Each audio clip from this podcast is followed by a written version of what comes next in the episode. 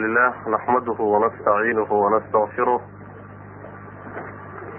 ونعوذ بالله من شرور أنفسنا وسيئات أعمالنا من يهده الله فلا مضل له ومن يضلل فلا هادي له وأشهد أن لا إله إلا الله وحده لا شريك له وأشهد أن محمدا عبده ورسوله يا أيها الذين آمنوا اتقوا الله حق تقاته ولا تموتن إلا وأنتم مسلمون يا أيها الناس اتقوا ربكم الذي خلقكم من نفس واحدة وخلق منها زوجها وبث منهما رجالا كثيرا ونساء واتقوا الله الذي تساءلون به والأرحام إن الله كان عليكم رقيبا يا أيها الذين آمنوا اتقوا الله وقولوا قولا سديدا يصلح لكم أعمالكم ويغفر لكم ذنوبكم ومن يطع الله ورسوله فقد فاز فوزا عظيما أما بعد فإن أصدق الحديث كتاب الله وخير الهدي هدي محمد صلى الله عليه وسلم وشر الأمور محدثاتها وكل محدثة بدعة وكل بدعة ضلالة وكل ضلالة في النار معاشر الإخوة kelimada darsigu caawa waxay ku saabsan tahay athabaat fi diin illahi tabaaraka wa tacaala fi wajhi alfitan walmixan cawaasifta ama mawjadaha fitnadu markay socdaan in uu ruuxu sugnaado oo ilaahay subxaanahu wa tacaala uu diintiisa ku sugnaado oo ynan dabayluhu qaadin. Intaynaan gudagelin maxaa ruuxu isku ilaalin karaa? Waxaan u baahannahay inaan fahanno qaacido aada muhiim u ah iyo sunno muhiim ah oo ka mida ilaahay sunankiisa subxaana wa tacaala kawniga ah. Sunanka kawniga waxaa la yidhaahdaa waa qawaaniin allah subxaana wa tacaala uu kownka ku maamulo. Qawaaniinta fahamkoodu iyo garashadoodu waxay inaga kaalmaynaysaa in aan fahanno khadu sayrka ama jidka adduunku ku socdo marxalada aada marayso maxaa kaa horreeya iyo mawqifka kaaga aadan. Sunanka rabbi subxaana wa tacaala waxaa ka mid a ee runtii in la fahma loo baahan yahay sunnada la yidhaahdo sunnat alibtilaa waalikhtibaar yani allah subxaana wa tacaala daartan ama degmadan wuxuu ugu talagalay in uu addoommadiisa ku imtixaano oo la tijaabiyo addoonka. Ilaa heerka uu gaadhsiisan yahay iimaankiisa waxa uu rumaysan yahayna la kala hufo oo la shaandheeyo. Maxaa yeelay sideedaba bini aadamku wax waa la iska sheegan karaa. Laakiin ilaahay subxaana wa tacaala agtiisa sheegashadu wax ka socon mayso. Wixii la sheeganayay ma xaqiiqa mise waa been waa inay caddaato qaacidadaas marka qaacidat alibtilaa waalikhtibaar allah subxaana wa qur'aanku meelo badan kaga tilmaamay. Waxaa ka mid ah aayaadka tilmaamaya tabaaraka aladi biyadihi lmulku wahuwa cala kuli shayin qadiir aladi khalaqa almawta walxayaata liyabluwakum ayukum axsanu camala. Allah subxaana wa nolosha iyo geerida ayuu abuuray. Wuxuu u abuuray inuu idin imtixaano kiina camalka wanaagsan macnaha inaad kala baxdaan oo laydin kala sooco. Ka camalka xun caqiidada xun akhlaaqda xun jidka xun haya iyo midka camalka wanaagsan labadaasi inay kala caddaadaan. Imtixaanka sidaas daraaddeed baa laydin gelinaya noloshiiyo geeridana sidaas daraaddeed buu alla abuuray subxana wa tacaala. Macnaha waxaan garanaynaa noloshiiyo geeridu waa inta u dhaxaysa markii lagu keenay ilaa intaad ka dhibanaysa waa intaad adduunyada joogto.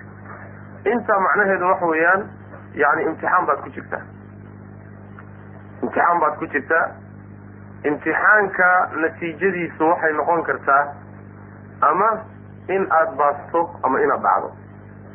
Sida caadatan ba imtixaanaadka bini aadamku ay galaan uu yahay ayaa natiijadiisa labadaa mid kamida noqon karta. Imtixaankaasi marka adduunyada oo dhan ayaa ku salaysan imtixaankaas oo ilaahay subxaana watacaala kownkan waxaa dul saaran wuxuu u abuuray qurux iyo ziinana looga dhiga calashaan in laydin imtixaano. Inna jacalna ma cala alardi ziinatan laha linabluwahum ayuhum axsanu camala. Dhulka korkiisa waxa saaran qurux ay naftoodu jeceshahay baan ka dhignay bu rabbi subxana watacala waxaad jeceshihiin oo qurux ah. Yacni waxaa dhulka dushiisa saaran oo dhan baa laga hadlaya maxaa looga dhigay? Waxaa looga dhigay? Inaanu imtixaano kooda camalka fiican iyo midkooda camalka xun inaan kala saarno.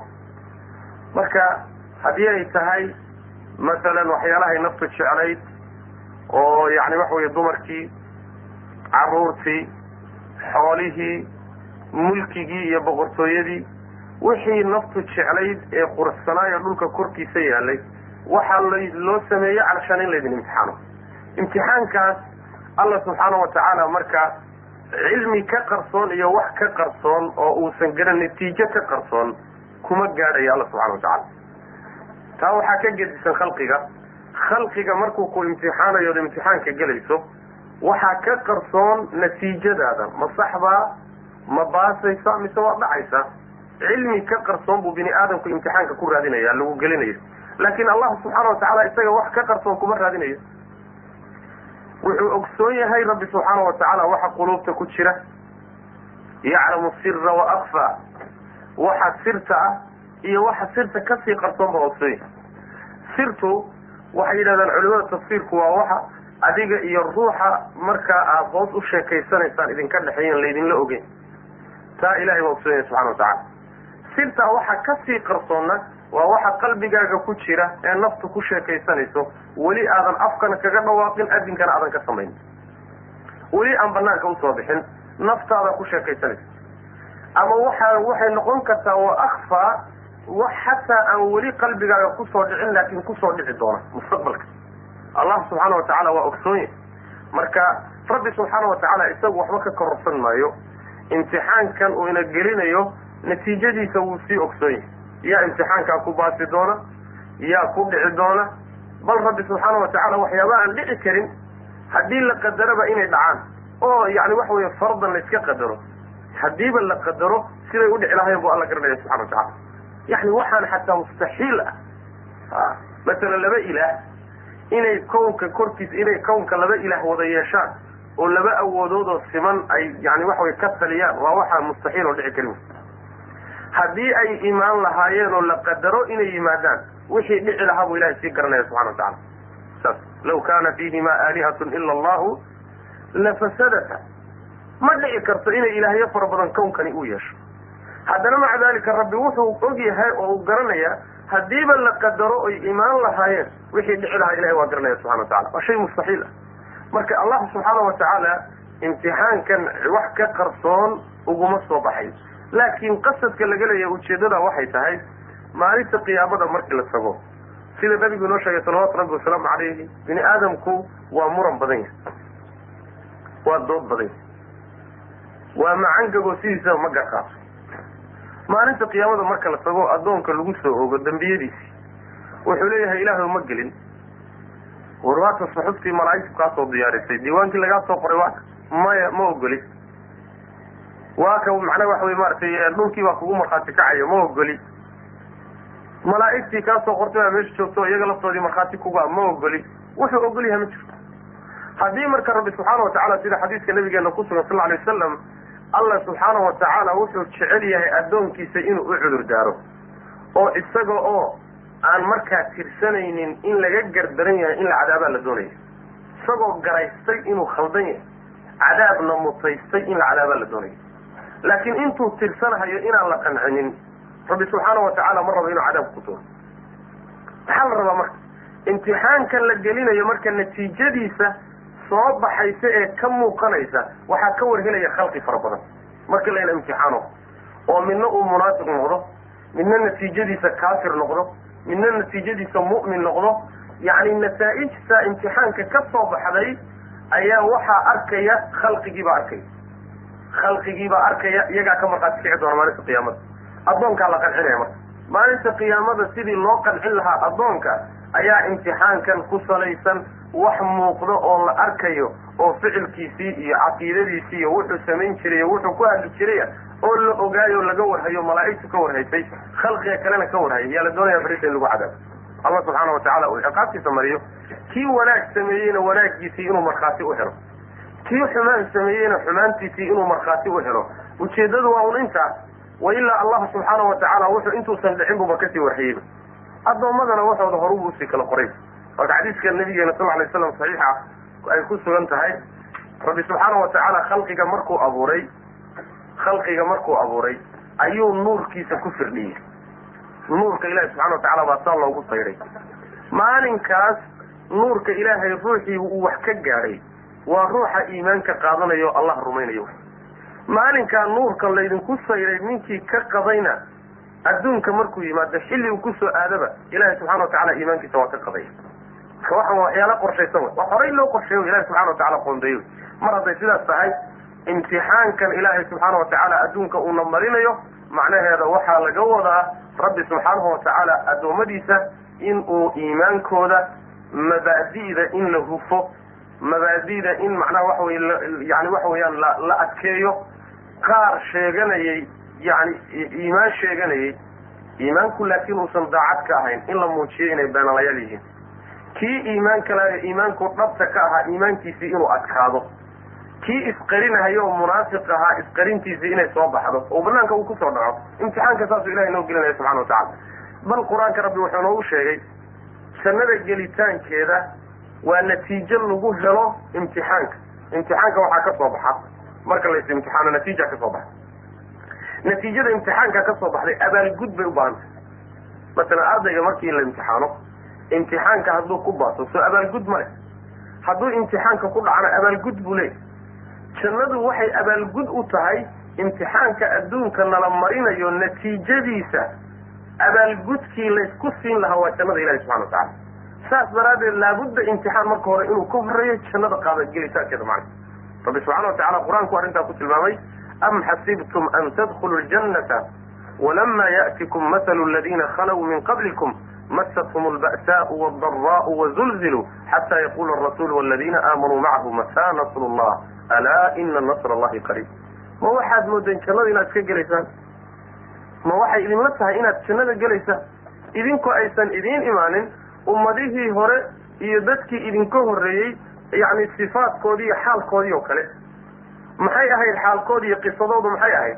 Qisadoodu waxay ahayd waa la gilgilay waa la imtixaanay xaalkiibaa meel adag ka gaadhay ilaa rasuulkii iyo mu'miniintu ay ka yidhaahdeen war ilaahay nasrigiisu goormo wey oy tiigsadaan macnaha nasriga rabbi subxaana wa tacaala ilaa ay tiigsadeen. Oy macnaha waxa weeyaan yani xaaladda waxaad garanaysaa culayskay galeen baad garan kartaa. Meesha macnaha nebigii iyo mu'miniintii ay leeyihiin war waa goorma nasrigii oo uu la fogaaday xaalada halis way xaalad. Marka ma waxaad moodaysaan inaad jannada ilaahay gelaysaan idinkoon marxaladaa laydin marinin oo imtixaan laydin marinin ma dhacayso. Malahaasi mala jira ma alif lam mim axasiba annaasu an yutrakuu an yaquluu aamana wahum laa yuftanuun walaqad fatana aladina min qablihim falayaclamana allahu aladina sadaquu walayaclamana alkaadibiin ma waxay moodeen dadku inay inta ay dhahaan waan rumaynay sidaa lagaga tegay oo lagu daynayo miyay moodaya saa laydinku dayn maayo mu'miniin baanu naho waan rumaynay bes laydinku dayn maayo allah subxaana wa tacaala kuwii idinku horreeyeyba saa laguma daynin aamanaa markay yidhaahdeen waa la imtixaanay imtixaanka natiijadiisiiba waxay noqotay falayaclamana allahu aladina sadaquu walayaclamana alkaadibiin. Ruuxa runta dhabta ay ka tahay sheegashada iimaanku iyo ruuxa beenaalaha ah ee isqarinaya iimaanka danta ku wata ee uusan daacadda ka ahayn labadaas ayaa la kala saaraya oo la kala bixinaya. Ilaa labadaa la kala caddeeyo laydin dayn maayo barbilahi subxana wa taala imtixaankana laydinka dayn maayo. Waa inuu munaafiqu soo baxo kaafirkuna soo baxo. Mu'minkana warkiisu caddaado way maana saas rabbi subxaana wa tacala uu qur'aanka inagu baraya maxaa la isku imtixaanaya mayaadiinta ikhtibaarka iyo ibtilaagu waxa weeye kow waxaa laynagu imtixaanayaa altakaaliif sharciya. Allah subxaana watacaala xil buu ina saaraya. Xil kalaa waa lagu kala hadhaya. Waajibaad baa layna saaraya waxaa la leeyahay waajibkaas qaata. Naftiina waa ku adag tahay nafta intaad carbisaan ood nafta ka adkaataan ilaahay subxaana watacaala waa awaamirtaa iyo waajibaadkaasu idin saaraya ka soo baxa. Waa lagu kala hadhay qaar waajibaadkii way fulinayaan qaarna waa ka dhacayaan. Waxaa ka mid ah waxyaabaa laynaga reebayaa nafteenu jeceshahay. Takaaliiftii bay ka mid waxaa daaya waxaa daaya waxaa daaya naftaaduna waa rabtaa. Waa la kala baxayaayo. Qaarna ilaahay amarkiisii bay qaadanayaan qaarna wixii naftoodu ay jeclayd bay uxilanayaan waa lagu kala hadhaya halkaana meelaha mayaadiinta laysku imtixaanaya waxaa ka mid ah matalan masaa'ibta dhacaysa masaa'ibta ilaahay subxana watacaala addoommadiisa uu ku keenayo horay uu qorsheeyey ayaguna waxay ka mid tahay meelaha lagu kala hadhayo masaa'ibtii markay dhacdo ama masaa'ib guud ha noqoto oo bulshadii iyo dalkii iyo dadka wada gaadhay ama musiibo adiga khaas kugu ah ha noqoto xoolahaaga iyo naftaada iyo khaas ku ah masaa'ibtu markay dhacdona waa lagu kala hadhaya oo ilaahay subxaana wa tacala masaa'ibta wuxuu u keenay in la kala hadho oo addoommadu kala hadhaan masaa'ibtu waa imtixaan dadna musiibadii way ku sabrayaan dadna way argagaxayaan oo musiibadii bay ka xanaaqayaan oo ka dagaalamayaan oo meel xun bay ku dhacayaan. Saasaa marka loo kala hadhay. Waa ka rabbi subxana wa tacala qur'aan ku odhanaya walanabluwannakum bishayin min alkhawfi waaljuuci wanaqsin min alamwaali waalanfusi waasamaraat wabashir asaabiriin aladina ida asaabathum musiibaة qaluu ina lilahi waina ilayhi raajicuun ulaa'ika calayhim salawaat min rabbihim waraxma waulaa'ika hum lmuhtaduun masaa'ibtu markay dhacdo dad baa mawqifkooda saas yihi ina lilahi wa ina ilayhi raajicuun saasuu odhanaya yani rabbi subxaana watacaala dadkaa way dadku abaalgudka u ballan qaaday oo rabbi subxaana watacaala uu yidhi way hanuunsan yihiin naxariis bay leeyihiin dadkaa qolana markay masaa'ibtu dhacdo masaa'ibtii dulqaad way yeelanaya. Mayaadiinta laysku imtixaanayo waxaa ka mid ah allah nicmooyinkiisa subxana watacaala nicmooyinka uu bixinayo caafimaadka uu ku siiyey carruurta uu ku siiyey yani waxa weeyaan xoolaha uu ku siiyey xoogga uu ku siiyey caqliga uu ku siiyey kulli waad ku imtixaananta ayaguna waa imtixaan. Waxaa lagugu fiirinayaa bal nicmadan lagu siiyey inaad u isticmaasho meel ilaahay raalli ka yahay iyo inaad u isticmaasho meeluna ilaahay raalli ka ahay ayadana meelaha lagu kala baxayay ka mid oo khalqiga qaar baa markii ilaahay uu nicmo siiyo ku kibra isla weynaada. Yidhaahda inamaa uutiituhu calaa cilmin cindii aniga garashatay ah aqoontay ah kartitay ah cilmikay aan ku keenay buu odhanay. Markaasaa isla weynan iyo kibir iyo addoommadii kale inuu xaqiro ayuu markaa bilaabay. Qaarna markii nicmada la siiyo ilaahay subxaana watacaala uu nimceeyo waa shukrinaya. Ilahay buu u mahad celinaya nicmadii wuxuu u isticmaalayaa meel ilahay raalli ka yahay subxaana watacaala iyaduna waa imtixaan. Marka nicmadii waa imtixaan musiibadii waa imtixaan takaaliifta shareecadu waa imtixaan kulli waa mayaadiinta ilahi subxana watacala addoommada uu ku kala reebayo lagu kala harayo saas way macana rabbi subxaana watacaala qur'aanku arrintaa ku tilmaamay waxaa ka mid ah aayaadka tilmaamaya wanabluukum bishari waalkhayri fitnatan wailayna turjacuun waxaanu idinku imtixaanaynaa shar iyo khayr labadaba sharkuna waa imtixaan khayrkuna waa imtixaan. Ree bani israa'iil markuu alla ka hadlaya wuxuu yihi wabalownaahum bilxasanaati waasayi'aat wanaagyaalna waan ku imtixaanay xumaanyaalna waan ku imtixaanay. Xumaanta abaaraha dhibaatooyinka colaada cudurrada waa imtixaan. Gaajada iyo faqrigu waa imtixaan.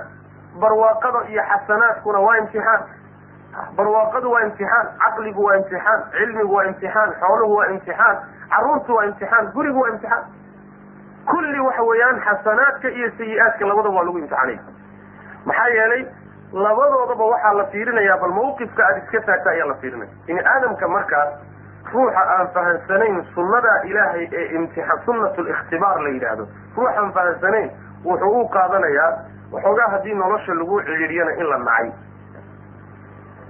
haddii waxoogaa loo siiyana in la jecel yahay buu uqaadanaya sidaana ma aha. Ilaahay hadduu wax ku siiyana jacaylkiisa looma daliishado hadduu ku qadiyana nacaybkiisa looma daliishado isagoo ku jecel buu ku qadin karaa.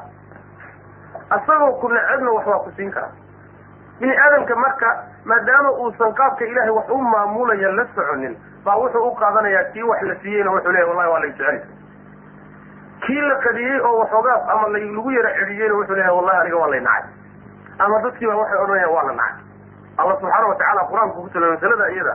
Wuxuu rabbi yihi subxana watacala faama alinsanu ida ma btalaahu rabbuhu faakramahu wanacamahu fayaqulu rabbii akraman. Waama ida ma btalaahu faqadara calayhi rizqa fayaqulu rabbii ahaanan. Insaanku wuxuu rabbi leeyahy subxaana watacaala rabbigii hadduu imtixaano oo uu karaameeyo oo uu u nimceeyo wuxuu odhanayaa aniga rabbigay baa i karaameeyey. Waa i jecel yahay. Waxaa la ii siiyey. Liimo aan ilaahay agtiisa ku leeyahay baa la igu siiyey. Warkaasuu bilaabay. Wa amaa idaa ma btalaahu faqadara calayhi risqa hadduu imtixaano oo alle uu risqiga ku cidhiidhiyo oo xaalad adag la geliyo lagu imtixaanana wuxuu odhanayaa yani rabbii ahaanan. Rabbigay waa i ahaanay maxaa aniga layga damacsan yahay maxaasaa la iigu gelayaa? Maxaa la ii dulaystay warkaasuu bilaabaya war ma ahee adiga goortii ilahay wax ku siiyana waad imtixaananta goortii ilaahay ku qadiyana waad imtixaananta waa masaladay culimmadu yidhaahdaan ninka haniga ah ee xoolaha haystee ladan shukrinaya ee ilaahay shukriga waafajiyey iyo faqiirka aan waxba haysanine sabraya keebaa ajir badan baa la isweydiinaysa. Keebaa fadli badan waa masale niqaash ka taagan macnaheedu waxa weeyaan kan hanigee waxhaystana waa imtixaanan yahay. Imtixaankii hadduu ku baasay kan faqiirkeen waxba haysaninna waa imtixaanan yahay. Imtixaankii waa ku baasay. Labadooda keebaa fadli badan baa la tartansiinaya. Labadooda keebaa fadli badan. Macnaheedu waxa weeye laba gooraba waad imtixaanan tahay ku talagal inaad imtixaan allahi ku jira subxana watacala macnaha waxaa laga wadaa mar haddaad imtixaanan tahay imtixaan ruux ku jira wuu isilaaliya imtixaan haddaad ku jirto ood ictiqaadsan tahay ina imtixaan ku jirto waa inaad istilaaliso diyaar garowgeedana qaadato masalan markaad imtixaanka jaamacadaha iyo yani waxa weeyaan macaahidda iyo iskuullada iyo markaad gelayso yani maalmaha imtixaanka la gelayo waa maalmaha kuugu adag noloshaas. Limaada leanna waxaad og tahay berrito natiijada soo bixi doonta in aad ku gawracan tahay ama horumar ama dib u dhac. Saas daraaddeed dhibco xun iyo dhibco hooseeya yaadan keenina dadaal baad isdhis haddaad marka og tahay inaad laba xaalaba laba gooraba imtixaanan tahay macnaheedu waxa weeyaan waa inaad taxadarkaaga yeelato wy maana taxadarkaaga inaad yeelato walaalayaal marka waxa weeye rabbigeen subxaanahu watacaala noloshan wuxuu ugu talagalay in laysku imtixaano. Ninna ma ladna ninna uma fiicna ninna laguma jecla. Yani rabbi subxaana watacaala wuxuu ina barayaa imtixaan baad ku jirtaane taxadara oo imtixaankaasaad ugu baati lahaydeen ku dadaala marnabana la isdayn maayo ma kana allahu liyadara almu'miniina cala ma antum calayh xataa yamiiza alkhabiisa min adayb sida aad tihiin mu'miniintay laydin dayn maayo yani mu'miniintu siday yihiin lagu dayn maayo ilaa la kala saaro midka xun iyo midka fiican mu'miniinta laftoodii baa la kala hufaya ilan iimaankii iyo mu'miniinta laftoodaa darajaada jannadiina waa darajaad darajooyinka jannada baa waxaa la doonayaa si ay ugu kala hadhaan oy u kala qaataan imtixaanka adduunyada inay ku kala hadhaan iimaankiibaa wada mideeyo waa mu'miniin laakiin maxay u kala baxayaan? Waxay u kala baxayaan asxaabu lyamiin iyo saabiqiin iyo aalimiina lianfusihim saddexdaa qaybood bay noqonayaan. Uma awrasna alkitaaba aladina asbatayna min cibaadina faminhum aalimun linafsih wa muqtasidun wa saabiqun bilkhayraat intuba waa ahlujanna aalim linafsih waa dadka kitaabka la dhaxarsiiyey waa mu'min muqtasid waa mu'min saabiq bilkhayraatna waa mu'min. Saddex darajo oon islahayn bayna jannada dhexeeda ku leeyihiin saddexduba jannaday kale. Xaggee ka timid waxay ka timid imtixaankii adduunka la mariyey ee iimaankooda la shiilay ayay ku kala baxeen oo ku kala hadheen maadaama ay halkaa ku kala hadheen adduunkan aakharana waa inay ku kala sarreeyaan saasa macnaha waxa rabbi subxaana watacala uu inoo muuji inoo sheegaya macnaha ta labaadee iyadana xikmadda ku jirta waasan soo sheegnayo dad badan oo safka ku jiraa jira. Haddaad tukanayso kula tukanaya sakadii laga yaabo inuu kula bixinahayo yani waxa weyaan maaragtay laakiin iimaankii sheeganhayo munaafiqnimo iyo gaalnimona ay uurka kaga jirtay caloosha kuwa waxaa jira aan islaamkaba aada ugu qanacsanayn laakiin ay tahay maalinta aad dan ku haysataanna ku dhex jira xaaladdu hadday xumaatana lugta kala baxa kuwa noocaas oo kale ah waa in marka imtixaan la geliyo.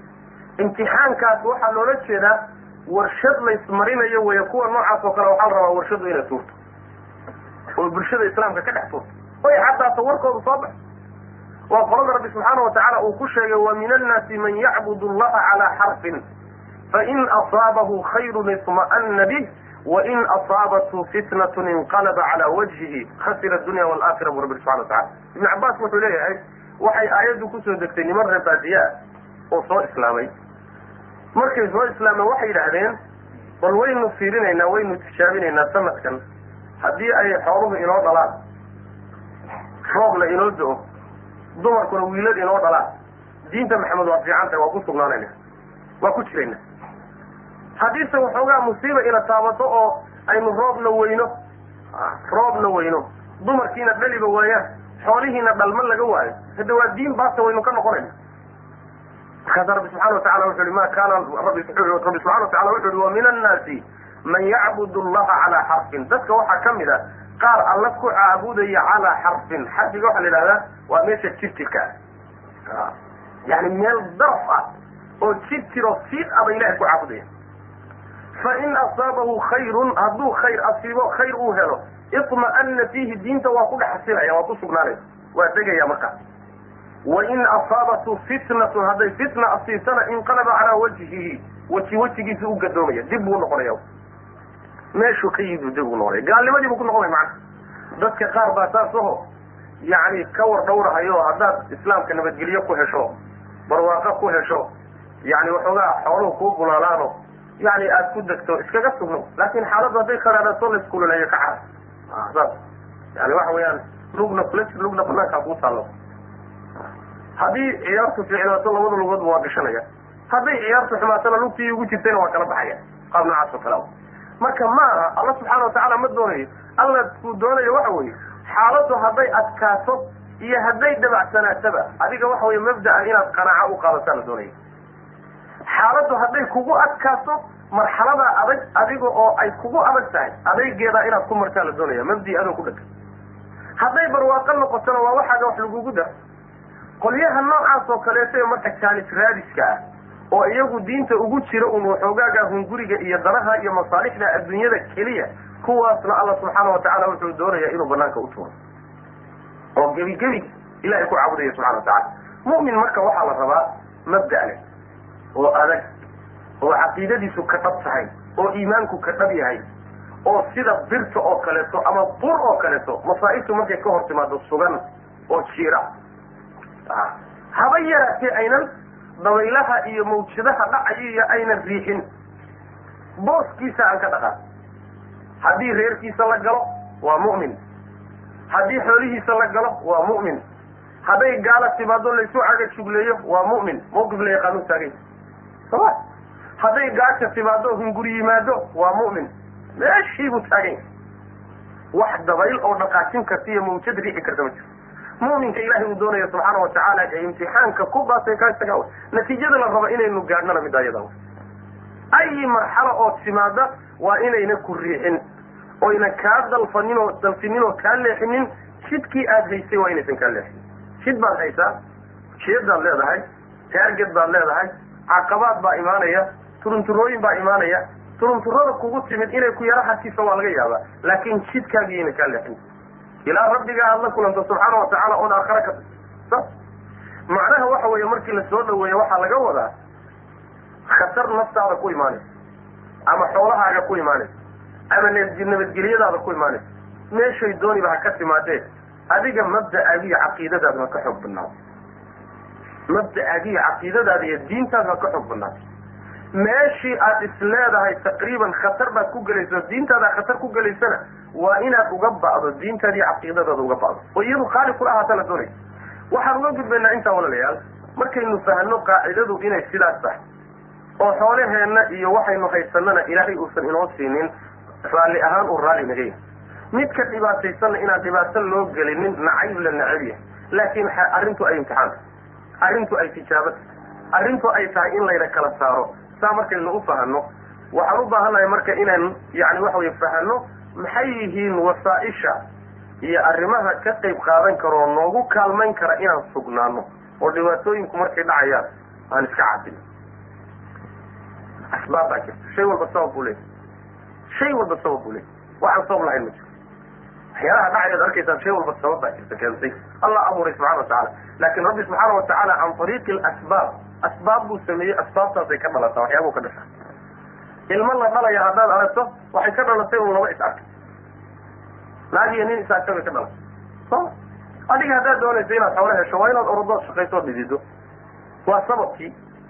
Soma haddaad doonayso cizi iyo karaamo iyo waa inaad jidkeeda marto kadalika haddaad sabaad iyo sugnaansho doonayso iyo adayg mabda'aga aad ku adkaato asbaab bay leedahay waa inaad asbaabteed la timaado meel cidlaha keliya kama imaanayso meel cidlaha yani waxa weeyaan geesinimo shaksiya iyo dadnimo shaksiya iyo wax ku imaanaya ma waa wax asbaab aad qaadatay ay keenayso wy asbaabteedi marka inaad la timaatay ubaahanta asbaabta waxaa ka mid a marka.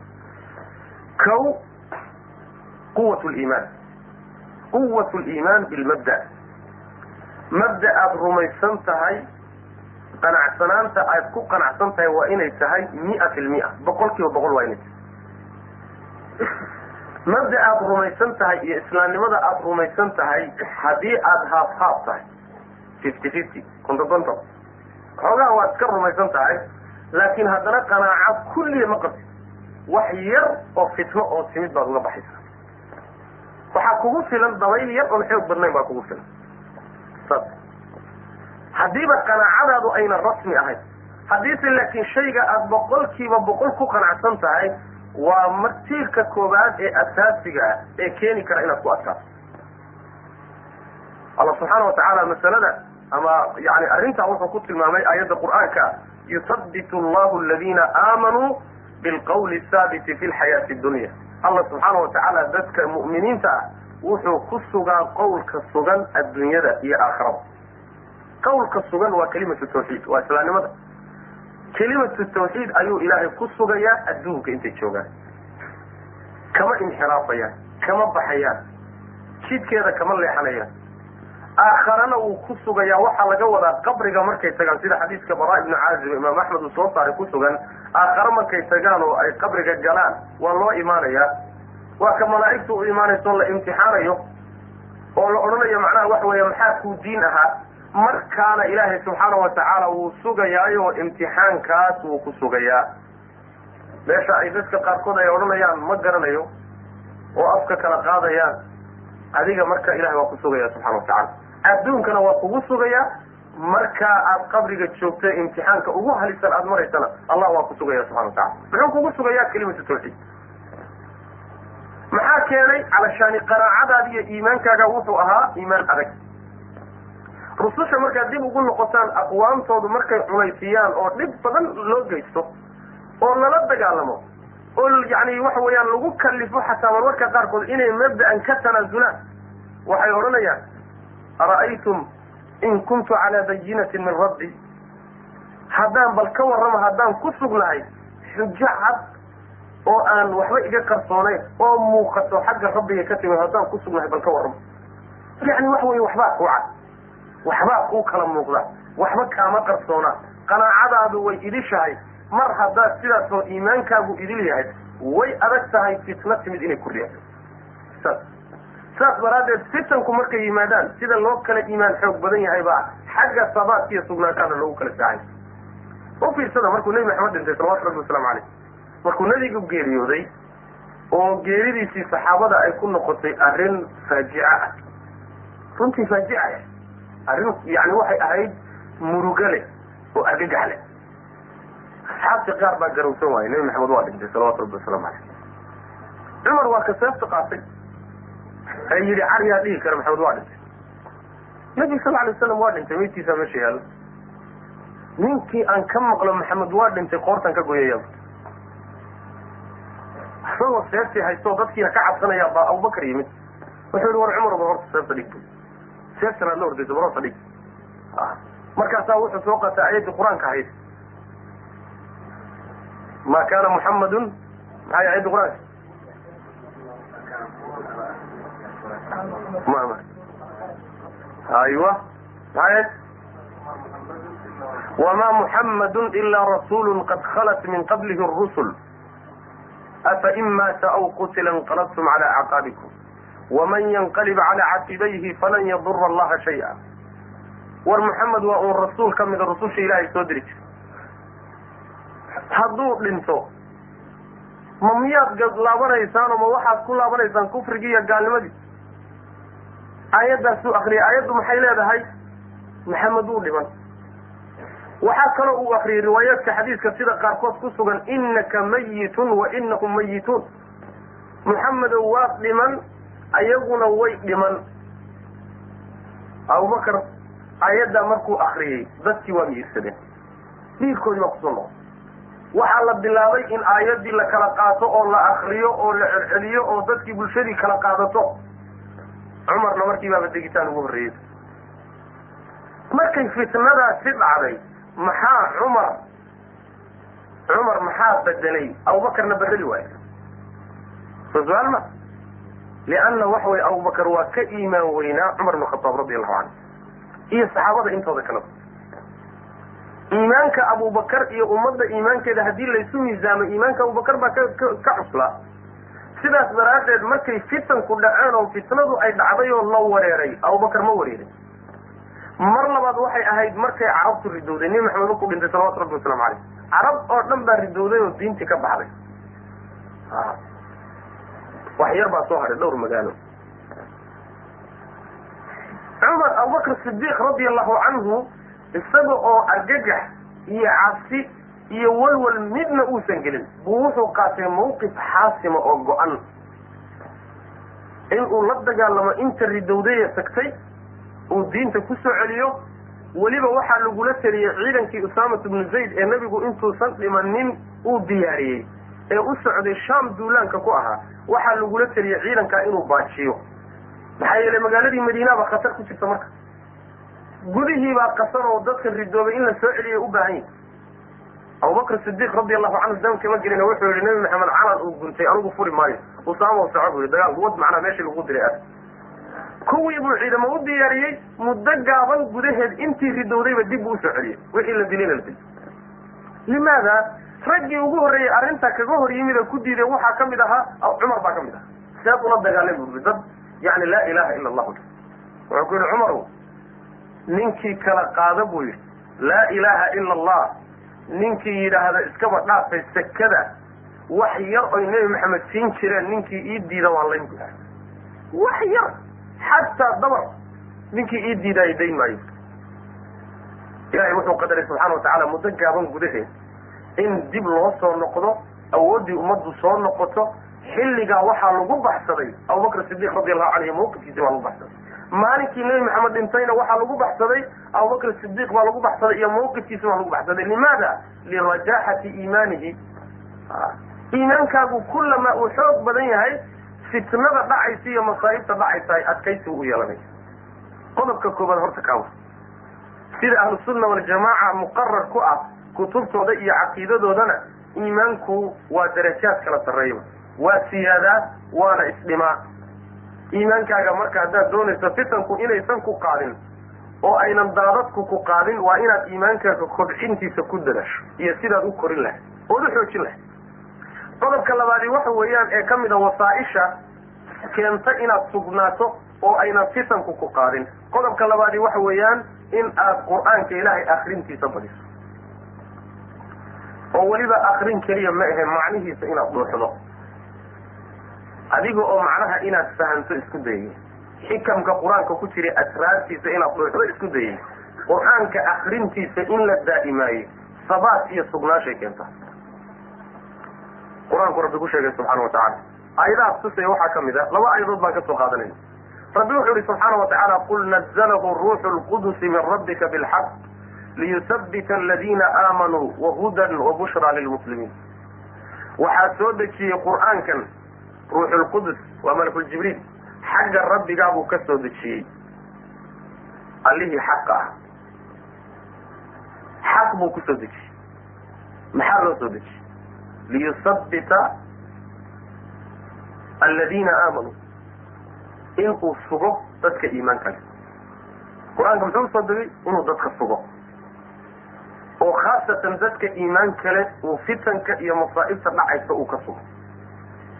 Waa hanuun waana bishaaro dadka iimaan kale buu qur'aanku marka waa tasbiit bal waa aslu wasaa'ilu atasbiit wasaaisha sugnaanta keensha qur'aanka ilaahay subxaana watacala baa asal maxaa yeelay qalbiga qalbiga adayga uu u geysto iyo ta'siirka uu qur'aanku u geysto hadal kaleo u geysan kara ma jiro.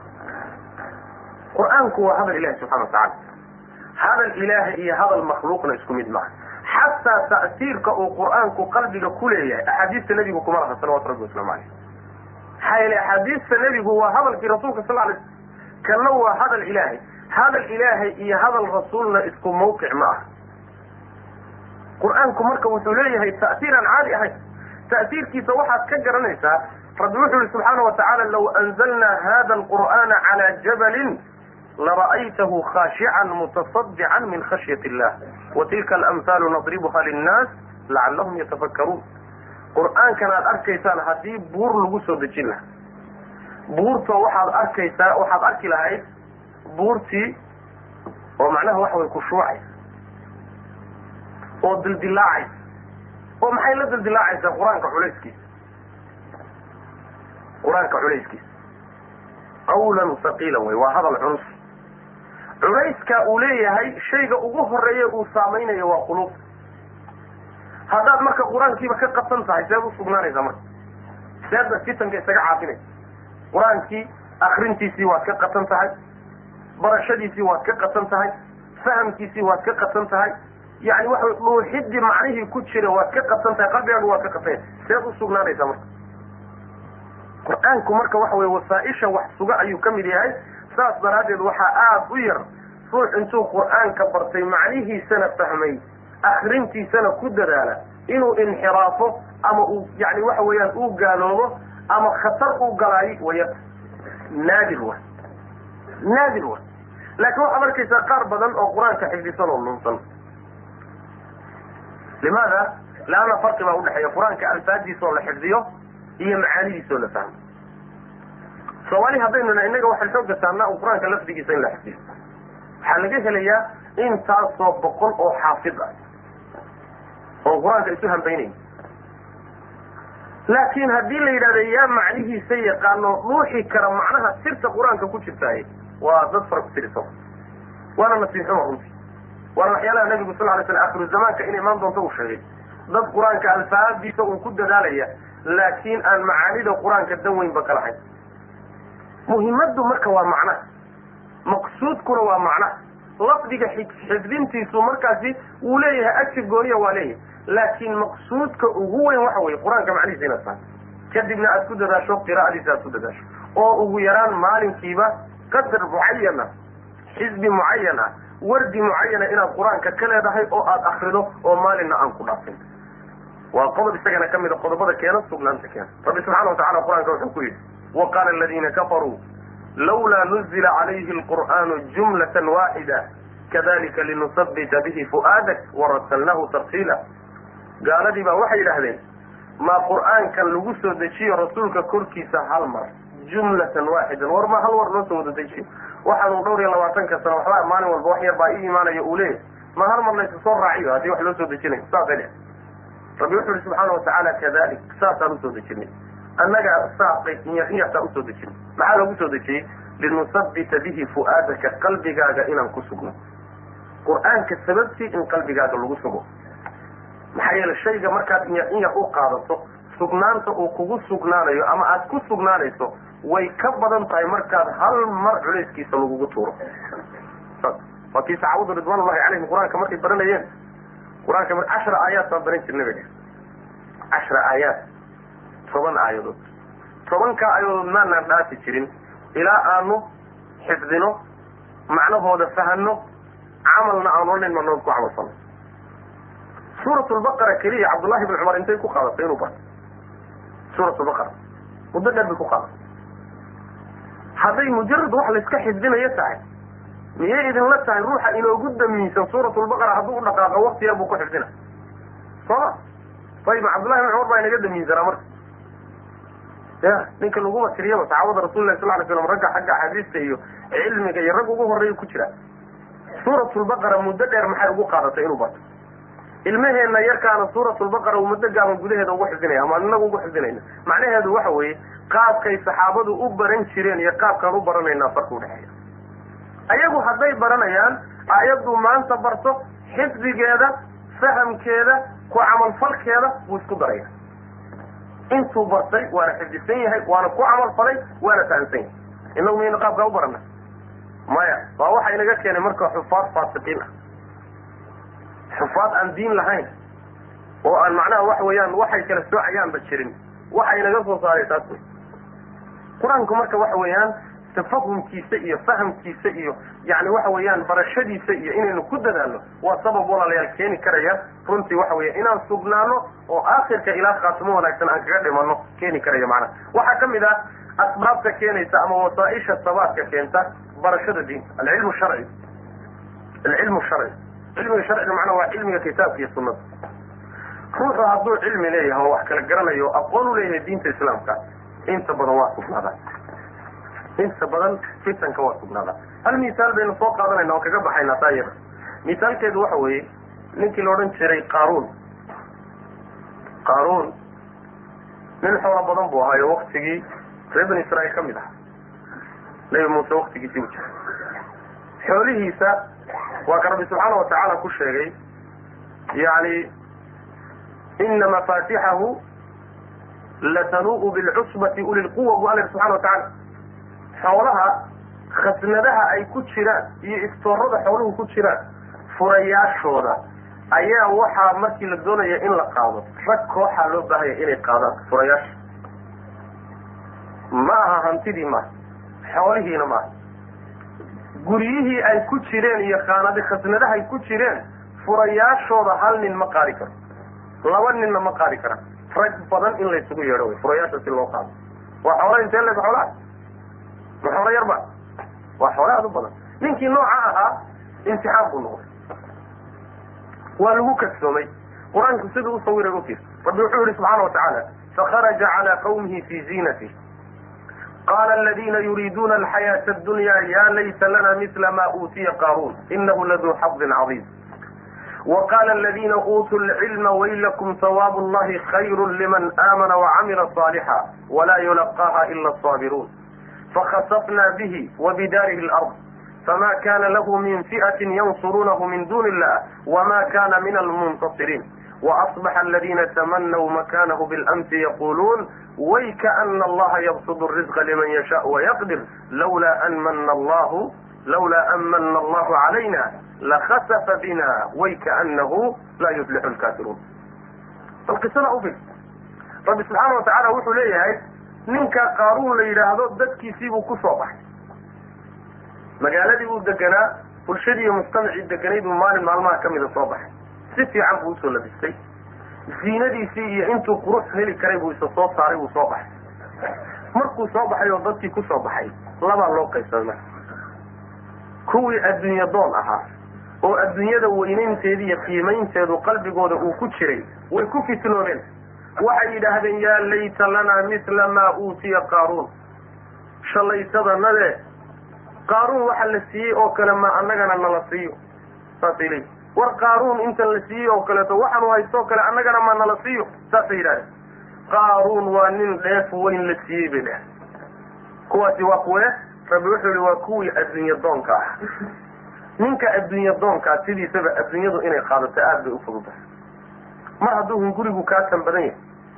Oo macnaha waxa weeyaan muhiimadaadu ay tahay uun maxaad cuntaa maxaad cabtaa xaggeed gashaa maxaad fuushaa xaggee shahwo ku gudataa intaa hadday muhiimadaadu tahay wax yar baa kugu filan in jidka lagaa saaro. Wax yar baa kugu filan. Adduunyadaas oo ku sii jiidata unbay ku filan tahay kadibna uga ku tuurta waxay yidhaahdeen dadkii adduunyadu qalbiga ay kaga jirtay adduunya doonka ahaa ma intan la siiyey qaaruun oo kale maana la siiyo. Waa nin dheef weyn la siiyey way la weynaatay oo ninkii iyo wuxuu watay iyo quruxdiisiibaa waxay la noqotay wax weyn laakiin dadkii cilmiga lahaa siid fitnadaasi markay timid iyo dabayshaa dadkii saamaysay dadkiina xagga u jeeseedeen oo qaaruun la dabagalay ayaga warkooda u fiirsa rabbi ka sheegay subxana watacala qaala aladiina uutuu lcilma waylakum sawaabu llahi khayrun liman aamana wacamila saalixa. Kuwii cilmiga la siiye waxay yidhaahdeen war habaar qabayaal inkaaru idinku dhacday allah sawaabkiisa iyo abaalguudka agtiisa yaalla yaa ka khayr badan waxaan la siiyey qaaruun. Yay u khayr badan tahay dadka iimaanka iyo camalka saalixa la yimi arrintaana lama siiyo dadka sabraya mooye. Iimaanka iyo camalka saalixa waxaa la siiyaa dadka sabraya. Sawaabka ilaahayna waxaa la siiyaa dadka sabraya. War nimanyaho waxaan qaaruun u wato waa dhalanteed waa waxaan xaqiiqo ahayn. Waa wax yani waxa weeyaan uu lagu uu ku kadsoon yahay ha ku kadsoomina waxani waa dhammaanaya. Abaalgudka ilaahay agtiisa yaalla un baana lagu dambayn doonaa saasay yidhaahdeen kuwii cilmiga lahaa. Bal labadaa mawqif adigu fiir ninna dabayshii baa qaaday ninna dabayshii ma qaadina waa adkaystay xaqiiqadii buuna fahmay qaaruun iyo quruxdiisuna inay dhammaanaysuu fahmay waxa wax ka fiican oo ilaahay agtiisa yaallana waa fahmay mawqifkaasuu istaagay maxaa istaajiyey qur'aanka waxaa laga fahmayaa ishaaraadkiisa mawqifkaa waxaa istaajiyey cilmigii iyo aqoontii ay lahaayeen. Qaala aladiina uutuu lcilma buu rabbi subxana watacala cilmiga kuwii la siiyey. Cilmigu marka waa kusugaya natiijadii markay noqotay ninkii la odhan jiray qaaruun dhulkii markii lala gooyey oo isagiiyo daartiisi iyo degmadiisiiba dhulku uu la go'ay. Waxay yidhaahdeen oo wax u hiliye u waayey isagiina waxba uusan qabsanin oo waxba qabsan kari waaya cid kaloo u soo gurmatana uu waayay dhulkiina lala gooyey. Qoladii shalayta ku kadsoontay maanta maxay dhahayaan? Maanta waxay dhaheen kuwii shalayto lahaa ilaahu yaa sidiisoo kale naga dhiga oo meeshiisoo kale na geeya. Waxay yidhaahdeen way kaana allaha yabsudu risqa liman yashaau wayaqdir way waa la yaabo waa cajabe ilan ilaahay risqiga ninkuu doonana waa u waasiciyaa ninkii doonana waa ku cidhiidhiya ilan ilaahay waxan uu siiyey jacayl kama ahayn uu jecel yahay. Ee imtixaan bay ka ahayd hadday fahmeen kuwa cilmigalana koormay fahmeen intayna wax dhicin bay sii fahmeen. Kuwii dabayshu qaaday weye markay indhaha ku kala qaadeen isagoo dhulka lala gooyey oo dhulku liqay isagiiyo daartiisii markaasay indhaha kala qaadeen. Oo yidhaahdeen ilan ilaahay risqiga ninkuu doonana waa u waasiciyaa ninkuu doonana waa ku cidhiidhiyaa yacni waxay leeyihiin haddaan ilaahay nagu galladaysan lahayn oo gallad ilaahay aanan ku joogi lahaynna ilan dhulka waa nalala goyn lahaa. Ilan gaaladu ma liibaanto. Saasay le waa goorma waa gooray indhaha ku kala qaadeen natiijada soo baxay. Laakiin ninkii cilmi lahaa goormuu gartay wuxuu gartay waxan ba intiisa dhicin sooma markaad cilmi leedahood garasho leedahay waad garan. Hadda soo adduunka wax kama socdo adduunka fitanka ka socda iyo dhibaatooyinka ka socda ninkii aqoon kitaabka ilahi sunnada nebiga u leh wuu garan karaa wuuna saadaalin karaa saadaal saxa isagoon qeybka ogeyn. Sunankaa ilaahay markuu daraaseeyey waxaa u soo bixi kara meesha hadda uu joogana wuu fahmi karaa. Caalamku meeshuu marayana wuu fahmi karaa. Natiijadu waxay ku dambayn doontana wuu fahmi karaa. Laakiin ninkii aan aqoon lahayn oo sunankaa ilaahay ka warhaynin markaba wuxuu ku kadsoomaya wuxuu kuleeyahy war adduunkan adduunkan maanta yani waxa weye maraykan baa utaliya isla goyne wadaadiyo saasuu kuleeyahy war waxba islu goyne nimankan ilahay baa gacanta ugeliya baashe lagooyada iska daa buu kuleeyahy wa saas maaha saas maaha waxa sunan baa maamulaya. Sunanka rabbaaniga kawniga markaad fiiriso waa marxalo mucayan oo adduunku marayo natiija ka dambayn doonta waxaan la milmahayo ee la majiirahayo ee warshada ku jira ee axdaastan dhacaysa iyo cadaadiskan faraha badanna natiija ka dambaysa laakiin adugu maxaad ku garan kartaa? Markaad qur'aanka akrido sunanka ilaahay akrido siiradii akrido ummadihii hore qisaskooda akrido sidii adduunku soo ahaan jira markaad akrido sida haddana uu ahaan doonaad kala soo baxay. Say ku imaan kartaa cilmi iyo garashihii aqoon inaad u leedahay kitaabka ilahi sunada nabiga salawatu rabbi wasalaamu caleyh markaana sabaadiya waxaa ka dhalanaya inaad adkaysato oo mawqifkaaga aadan ka tegin macana wasaaisha waxaa ka mid a walaalayaal sabaadkiiyo adkaysiga keenta adducaa adducaa baryada.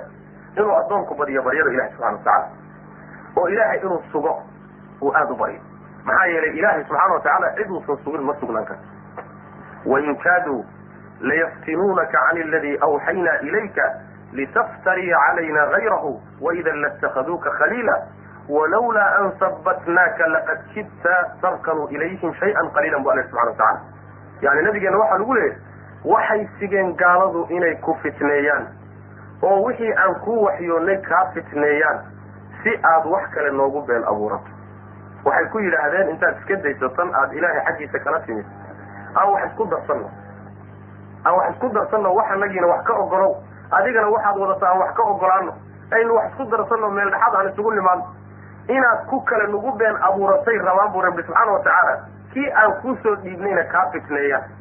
Haddaad saa yeesho oo kii aan kuusoo dhiibnay ay kaa fitneeyaanna saaxiib bay kaa dhignayan waidan latakhaduuka khaliila.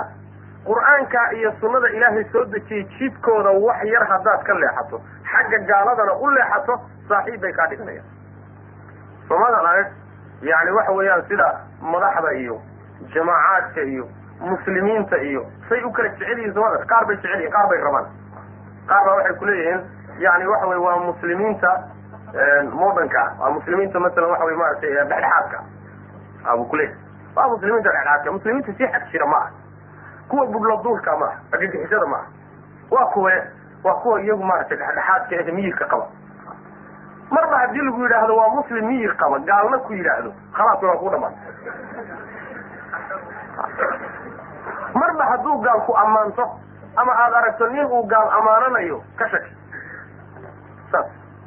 Haddaad aragto nin uu necab yahay oo wax alla wuxuu u geysan karo u geysanayana uusan waxba u reebanaynin ninkaa waxa uu ku tuhmay unbaa jira wax unbaa meesha ku jirta sir unbaa meesha ku jirta saas way macnaha marka muslim dhexdhexaada iyo muslim muctadile iyo khab dhexe iyo yani ammaanasho iyo haddaad arag waidan latakhaduuka khaliilan waa nin ilaahay jidkiisii ka baxay laakiin nin ilaahay jidkiisa haya marnaba inay saaxiib ka dhigtaan oo soo dhawaystaan oo ammaantaan ma dhici karo saaxiib bay kaa dhigan lahayn buu nabigiisa alla kuley subxana watacala haddaad wax yar u leexan lahayd saaxiib bay kaa dhigan lahayd. Waxaa laga dambaysiyey aayadda ku xigta walawlaa an sabatnaakna an sabatnaaka inaan ku sugnay haddayna jiri lahayd oo aanu anagu ku sugnay. laqad kidta tarkanu ilayhim shay-an qaliila. waxaad sigtay wax yar inaad xaggooda u leexato wax yar inaad u leexataad sigtay laakiin annagaa ku sugnay. haddii ilaahay uusan ku sugi lahayn maadna sugnaateen adiga hadduusan ilaahay subxaana watacaala ku sugaynin ma sugnaan kartid. sidaas daraaddeed allah subxaanahu watacaala sugitaanka isaga gacantiisa ku jiraa maadaama gacantiisa uu ku jiro waa inaad barido allah subxaana watacaala inuu ku sugo. Alla inuu ku sugo waa inaad aada u barido. Oo aada rabbigaa subxaana watacaala hidaayo weydiisato. Nabigeena salawaatu rabbi wasalaamu calayh ducooyinka uu badin jiray waxaa ka mid ahaa oo aada ugu ducaysan jiray. Yaa muqalliba alquluubi sabbit qalbii calaa diinik. Allaha quluubta rogrogow qalbigayga diintaada ku sug caaisha waxay tidhi rasuul ilaahay ducadaa aad un baad ugu ducaysataay see wax u jiraan markaasaa nabigu wuxu uhi sal alay wasalam yaa caaisha ina alqalba bayna asbicayni min asaabixi araxmaan yuqallibuha kayfa yashaa quluubtu ilaahay labadiisa farood bay u dhexeeyaan oo gacantiisay ku jiraan. Siduu doonuna ilaahay u rogrogaa subxaanahu watacaala qalbigaagii iimaanku ku jira waxaa laga yaabaa iimaankii inta laga rogo kufri in lagu rogo walciyaadu billah. Qalbiga kufriga ku jira inta laga gediyo in iimaan la geliyaa dhici karta. Qalbigaagana ilaahay baa u taliya subxaana watacaala allah subxaana watacaala baa quluubta gacanta ku hay yaxuulu bayna almar'i wa qalbihi. Alla wuxuu kala seedaa addoonka iyo qalbigiisa. Qalbiga allah baa maamula subxana watacala marka allaha qalbigaaga gacanta ku haya waa inaad weydiisato inuusan qalbigaaga xagga sharka u rogin oo kufriga xaggiisa u jeedinin oo islaamnimada iyo iimaanka ku sugo oo mawqif adag ilaahay ku waafajiyo. Waa inaad rabbi barido subxana watacala oo baryada ilahay weliba aada badiso rasuulkeena salawatu rabbi waslamu aleyh habeen barhkii salaada habeenkii markuu u soo kaco oo rabbi hortaagaya subxana watacaala yani waxa weeye wuxuu ku furfuran jiray oo salaatuleilka uu ku furfuran jiray. Allahuma raba jibriila wa mika'iila israafiila fatir asamaawaati walard fatir asamaawaati walard anta taxkumu bayna cibaadika fima kanuu fihi yakhtalifuun ihdinii lima اkhtulifa fiihi min alxaqi biidnika inaka tahdi man tashaau ila siraati mustaqiim allah markuu sifeeyey oo uu tilmaamay oo uu ammaanay kadib wuxuu leeyahay ilaahu addoommadii waa iskhilaafeen ninba jid buu qabsaday nin walbana qumanihiisa qoorta ugu jira. Ilaahayow waxa laysku khilaafsan yahay kiisa saxdaa igu hanuuni ilaahu hanuunka igu sugay. Bal maalin kasta faatixada maalin kasta markaynu ragcad walba waxaynu akrinaa ihdina siraata almustaqiim ihdina siraata almustaqiim waxay culimadu leeyihiin haddii aada hanuunsan tahayba haddana ilaahu i hanuuni maxay ka dhigan nebi maxamed sal alay slam waa hanuunsan yahi haddana ilaahu i hanuuni buu leey dadka hanuunsan haddana ilaahuna hanuuni inay ku celceliyaan oo ragcad walba akriyaan macnaheeda waxaa laga wadaa ilaahu hanuunka nagu sug. Maxaa yeelay adiga haddaad hadda hanuunsan tahay inaad ku sii sugnaan doonto lama oga. Inaad sii haysan doonto lama oga. Inaad ka tegi doonto lama oga. Allaw igu sug intaan ku dhimanayo marka allah subxaana watacaala in la baryo xilliyada weliba baryada la aqbalaya aad ku aadiso marka masalan waxa weeyaan maaragtay aadaanka iyo salaada udhexeeya habeenkii sakda dhexe yani waxa weeyaan maaragtay saddex qaybood habeenka marka loo qaybiyo qaybta dambe xilligaasoo kale ilaahay subxaana watacaala sabadasa kuusoo degaa sida nabigeena ka sugan salawatu rabbi waslamu caleyh markaasaa wuxuu leeyahay yaa dembi dhaaf iweydiisoon u dembi dhaafaa yaa wax iweydiistoon siiyaa ha yaa iwarsado oon yani waa wuxuu iwarsaday aanu aan siiyaa marka xilligaasi albaabadu waa furan yihiin inaad ilaahay subxaana watacaala aada u barido qalbigaagana macnaha waxa weye aada u muujiso rabbigaa inaad u baahan tahay subxaana watacaala iyo inuu ku sugo taasna waa iyadan waxa wey qodob muhima wey qodobka ku xigaayo wuxuu yahay in uu ruuxa muslimka ah isku sabir siiyo qalbigiisana ku dejiyo. Dhibka jira inuu nasri iyo uu ka dambayn doono lib inay ka dambayn doonto. Cidhiidhigana inuu wusci ka dambayn doono. Dhibkana in laga bixi doono. Waa inaad qalbigaaga taa ka dhaadhiciso. Qalbigaaga waa inaad middaa ka dhaadhiciso haddii ay kurba jirto faraj baa ka dambayn doona markii macnaha waxa weeye yani waxa weeyaan markii yani sabirka iyo adkaysiga ayuu nasrigu la jiraa. Cusriga iyo culays kastana waxaa ka dambeeya fudayd baa ka dambeeya. Sida rabbi subxaana watacala qur'aanka ku sheegay ina maca alcusri yusran ina maca alcusri yusra. Culays kasta fudayd baa ka dambeeya. Xaaladdu markay cidhiiri gashaba fudayd baa ka dambayn doona markii muslimiinta la dhibaba dhibkaasi waxaa ka dambayn doona inay yani waxa weye gumaysiga ka baxaan rafaadka ka baxaan. Gaajo hadday ku qabato dhereg baa ka dambayn doonta nabadgelye darro hadday dhacdo yani nabadgelyaa ka dambayn doonta haddii aad yani waxa weye ayi culays oo yimaadiyo cidhiiri kastoo yimaada faraj baa ku xiga oo ka dambeeya. Bal aayadda sida laga fahmayo halkii culaysba laba fudayd baa ka dambeeya. Laba fudayd baa ka dambeeya. Sida aayadda macnaha waxa wey daahirkeeda ka muuqda aimada salafka qaar ka midana laga soo guuriye macna. Waxaa walaalayaal ka mid a asbaabta sabaadka iyo sugnaanshaha kuugu kaalmaynaysa ikhtiyaaru suxbati saalixa. Inaad la saaxiibidaada iyo noloshaada iyo meesha aad ku nooshahay iyo dadkaad la nooshahay aad dad wanaagsan doorato. Akhyaar inaad doorato. Bulsho wanaagsan doorato. Meel islaam le aad. Dadka aada sheeka wadaagga la leedahay wada socotaan inay akhyaarta noqdaan. Lianna kolba dadka aada la joogto ayaa saamayn kugu leh oo bini aadamku sidiisaba waa kaa-in ijtimaaci ah baa la yidhahda waa kaa-in waa yani makhluuq sidiisaba. Mujtamac inuu la noolaado mooye aan gooni u noolaan karin. Mujtamaca uu la nool yahay isaguna waxbuu siiyaa iyaguna waxbay siiyaan. Mujtamaciisuu ku dhex milmaa isagoon is ogeyn. Mabaadi' badan oo rumaysnaabuu ka tanaasulaa mabaadi' badan oo aan jirin baa lagu kordhiyaa. Dariskaagu saamayn bu kugu leeyahy saaxiibkaana saamayn bu kugu leeyahy sidaas daraaddeed haddaad doonayso inaad sugnaato bii-adii aad ku sugnaan lahayd waa inaad aado. Marka xadiidka nabigeena salawatu rabbi wasalaamu aleyh odhanaya ku miisaalinaya ruuxu markuu bii-ada xun ku dhex nool yahay bii-ada xun dhibaatada ka soo gaadhaysa wuxuu la mid yahay dabkaa la shidayo dhimbilaha ka soo duulaya iyo qarmuunka ka soo baxaya ee ka imaanaya ku soo gaadhay o kale. Dhibkaasoo kale ku soo gaadhay yani dhimbisha dabka ka soo duulaysaay maraday gubtaa sooma laakiin bulshada gaalada iyo bulshada fasaadsan dhimbisha ka soo duulaysaay ayadu mara ma gubtee akhlaaqday gubtaa caqiidaday gubtaa diintay gubtaa wax mara ka qaalisan bay gubtaa. Jirkaaga iyo maradaada wax ka qaalisan bay gubaysaa. Maxay tahay? Waxay gubaysaa waa caqiidadaada iyo diintaada iyo iimaankaaga gubaysaa. Saas daraaddeed baa nabigeenu sal alay slam wuxuu yidhi alrajulu aw ilmar'u calaa diini khaliilihi falyandur axadukum man yukhaalif wa ruuxu ruuxu saaxiib la yahay unbuu ku diin noqonaya oo la diin noqonaya ee ciddaad la saaxiibaysaan ka fiirsada buu nabigu yihi salawatu rabbi waslamu caleyh ka fiirsada cid aad la saaxiibaysaa laa tusaaxib ilaa mu'minan walaa ya'kul tacaamaka ilaa taqiyun buu nabi uri sal lay slam mu'min mooye cid kale ha la saaxiibin hana la dersin hana la degin cuntadaadana mid taqi a mooye cid kale yaysan cunin. Mu'min mooye cid kale la saaxiibin maxaa laga wadaa? Dhaqanka mu'minka haddaad la saaxiibto mu'min baad noqon. Bini aadamku waa caadi. Sida uu yani ibnu taymiya caleyh raxmatullahi kitaabkiisa iqtidaau siraat almustaqiim uu ku sheegahay bini aadamku sidiisaba yani ruuxu kolba cidda uu ku dhex nool yahay iyo dhaqankooda iyo labiskooda iyo muuqaalkooda iyo ayuu qaadanaya wuxuu miisaan u soo qaadanaya masalan ninka ku dhex nool ciidanka labiska labisan. Wuxuu jecel yahay inuu qaato labiska ciidanka. Ninkii culimo ku dhex nool labiska culimada inuu qaato jecel ninkii dad fusaaqa ku dhex nool fusaaqda siduu u noolaado say u nool yihiin iyo labiskooda iyo qaab dhaqankooduu jecel yahay inuu qaato. Maxaa yeelay waa ku jiidanaya waa ku jiidanaya.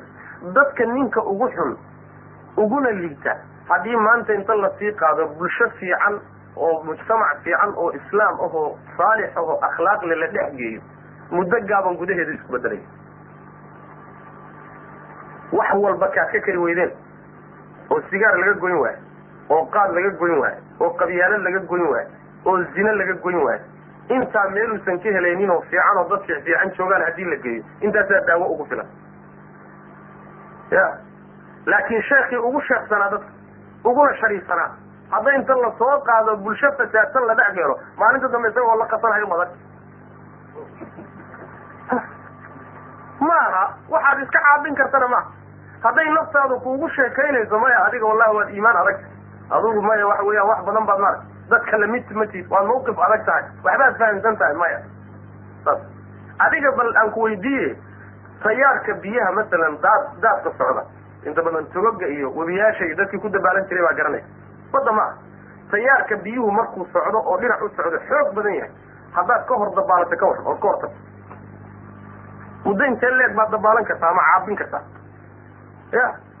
Waa wakti gaaban way in yar un baad iscelin kartaa biyaha kortegi kartaa. Marka dambe xubnaha ku daalaya waa inaad israaciso waa kula tegayaan. Khiyaar la'aan so saas ma marka dad kaa badan iyo biyo kaa badanba waa ku hafiyaan waa kula tegaya laakiin la tegitaanka biyaha iyo la tegitaanka bulshadaa kala gedisano bulshadu in yar in yar bay kula tegaysa maalin waxoogaa baa lagaa goyn maalinta dambe waxbaa kaa goy maalinta dambe waxbaa kaa goy maalinta dambe ilaa aad marka dambe daanish caadiya noqoto. Soma ilaa marka dambe daanish caadiya aad noqoto laakin lagugu soo boodi maayo lagugu soo boodi maayo. Haddaad marka sabaad iyo sugnaansho doonayso meeshii aad ku sugnaan lahayd waa inaad raadiso meeshii kuugu kaalmayn lahayd sugnaanshaha waa inaad raadiso akhyaar aad ku dayato waa inaad tagto. Yani waxa weeye reer aad la daristo fiican waa inaad raadiso mujtamac wanaagsan waa inaad raadiso meel wanaaggu u badan yahay waa inaad raadiso xataa shareecadu waxay leedahay haddii meesha xataa bulshada degan ay muslim tahay laakiin ay fasaadsan tahay ka tag. Xataa waxay leedahay haddii aada u cabsato diintaada magaalooyinka oo dhan intaad ka tagto duurka aadoo xayn iiso ari ah meelaha buuraha korkooda iyo meelaha roobku ka da'ayo meelaha intaad ku raacato ood maasho meeshaa ku noolo oo diintaada halkaa kula carto magaalada ka car waa markaad isleedahay waxbana kama qaban kartid fasaadkuna uu caam yahay waad carari. Limaada? Firaaran lidiinihi diintiisu la cararaya ruux ilan diintaa wax walba ka qaalisan. Macnaha marka waxa weye walaalayaal asbaabta sabaadka keenta waxaa ka mid a oo weliba kuwa ugu muhiimsan ka mid a ruuxu meesha uu ku nool yahay bulshada uu ku dhex nool yahay waana midda keentay shareecadu inayna tidhaahdo bulsho gaalo ha ku dhex noolaanina limaada maxaan ugu dhex noolaan lanahay waxoogaa baan ku haysanahay waxaydaan ugu dhex noolaanaynin diinteenna ayaa loo baqayaa. Caqiidadeenna ayaa loo baqayaa. Caruurteenna ayaa loo baqayaa. Mustaqbalkeenna ayaa loo baqayaa. Waxaana la hubaa haddii aad sii joogto adiga yani waxa weye fifty fifty waa laga yaabaa inaad maaragtay waxoogaa maaragtay meel kalaad ku soo kortay oo laakiin shaki ma laha dad waxaa jira ayagu kaasii jirecsan carruurtu waa kaa jirecsan dumarkuna waa kaa jirecsan kuwa waxaa jira iyaga laysku hubo oo dabayshu qaadi. Sidaas daraaddeed bay shareecadu waxay taqriirisay ilaa wa ilaaba ruuxa muslimka ah ka carar bulshada gaalada. Bulshada gaalada ka cararo bulsho islaam raadso. Masaladu marka halkaasay ku salaysan tahay waana arrimaha keena runtii waxa weeyaan yacni in uu ruuxu sugnaado inuu ruuxu runtii lumo oo gaaloobana waxyaalaha keenaya waxaa ka mid ah bulshada iyo saamaynta ay ruuxa ku leedahay. Imise xaafidulqur'aan oo meeshan timid. Ayaa maanta macnaha waxa weye duurka gashay. Ya imise gabadhoo xijaaban baa xijaabka dhigtay. Imise ninoo wadaad ahaabaa maanta meel uu galay aan la garanaynin. Ya haddana muddada aad joogtaan macna waa muddo gaaban sooma muddo gaaban. Nin walba tabartiisa iyo qodaxi ugu tagtaa baa la yidhi nin walba tabartiisa qodaxi ninkii isagoo daaciho sheekh oo ordahayo dagaalahayo yani waxa weeye meesha yimid. Can inta ay ku samaysay mataqaana wax weliba haddayna ugeysan waxay ku samaysay inuu yidhaahdo wallahi dadkaad la mid tahay bal. Dadkaaga kamanaas laa bas kamanaas laa xarakadii iyo dhaqdhaqaaqii iyo dadaalkii iyo orodkii iyo kiiradii ku jirtay iyo iimaankii iyo soomali waxoogaa habacsanaan ay dhalisay sooma waad ka garan kartaan wadaadada iyo dhalinyarada iyo shaqaday hayeen iyo orodkii iyo waagii la yimid. Iyo haddaba isku qiyaas ma ya isku qiyaas ma? Limaada? Liana iimaaniyaadkii baa hoos u dhacay. Sooma iimaaniyaadkii baa hoos u dhacay. Haddii yani waxa weeye wadaadkii iyo ninkii sheekh ahaa iyo daacigii iyo ay halkaa marinayso kii isagoo caamaya yimid isaga intay bay qodaxda ugu tagtay maxaad umalanaysaa ilaa intay ugaadhay kollay intaa in ka badan bay ugaadhay intay dhantaa ilahu aclam saas daraaddeed walaalayaal mas'alada inaan fahanno u baahani waxay tahay bulshadan ha isku dhex aaminin. Haddaad doonayso inaad sugnaato khaatumo wanaagsanna aad ku dhimato bulsho way kaa tan badan tahay. Dawladdii baa kaa xoog badan nidaamkii baa kaa xoog badan shaaricii baa kaa xoog badan waxbarashadii baa kaa xoog badan. Waxaa kaa xoog badan gurigii iyo maamulkiisii baa kaa xoog badan. Wax meel aad u baxsanayso ma jirto naari meel qabow male meelaad u yani aada isleedahay wallahi meeshan aan meel dhaafan sidaas daraaddeed waa in uu ruuxa muslimkaa ku fikiro in uu waddamada gaalada ka hijroodo. Waa inuu ku fikiro qorshaysto ilaahay subxaana watacaala dad buu idinka dhigay caqlina waa idin dhiibe meeshan markaad imaanayseenba jid dheer iyo intaasoo khatarood baad u soo marteene. Ka tegitaankeeda khatartii aad u soo marteen imaanshaheeda mid ka yar baad u maraysaan ma been baa warkaas hadday ka fudud. Intaasoo dhibaato markaad soo goynaysaan oo qaar waxaa laga yaabaa badaha soo marayo. Yani intii la socotayna soo leedeen isaga keligii ka soo baxsada inuu meelahan joogo. Hadduu hadda doonayo inuu ka noqdo intaa in lagu mari maayo. Sooma si fudud. Laakin waxaa loo baahanya kalsooni. Ilahi subxana watacala inaad isku xidho kalsoonaato waxna qorshayso.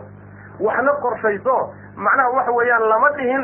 Yani waxa weye iska dhaqaaq lama dhihin. Laakin waxaa la yidhi wax qorshee haddaad wax qorshayso ilaahayna tala saarato shaki ma laha in aad muddo gaaban natiijadeeda dareemayso. Laakiin musiiba waxay kugu dhici markaad tidhaahdo maya tii ilaahay iguma celiyo. Tii ilaahay iguma celiyo. Ood u qaadatona inaad janno soo gasho. Janno waxaa la yidhahdaa ba la yidhi soomaalida meelahan ka noqotay xaggii la geeyey iyo yani waxa weeyaan aadamiyiin baa la dhaha ba la yidhi aadamiyiin nebi aadamkii jannada laga soo celiyo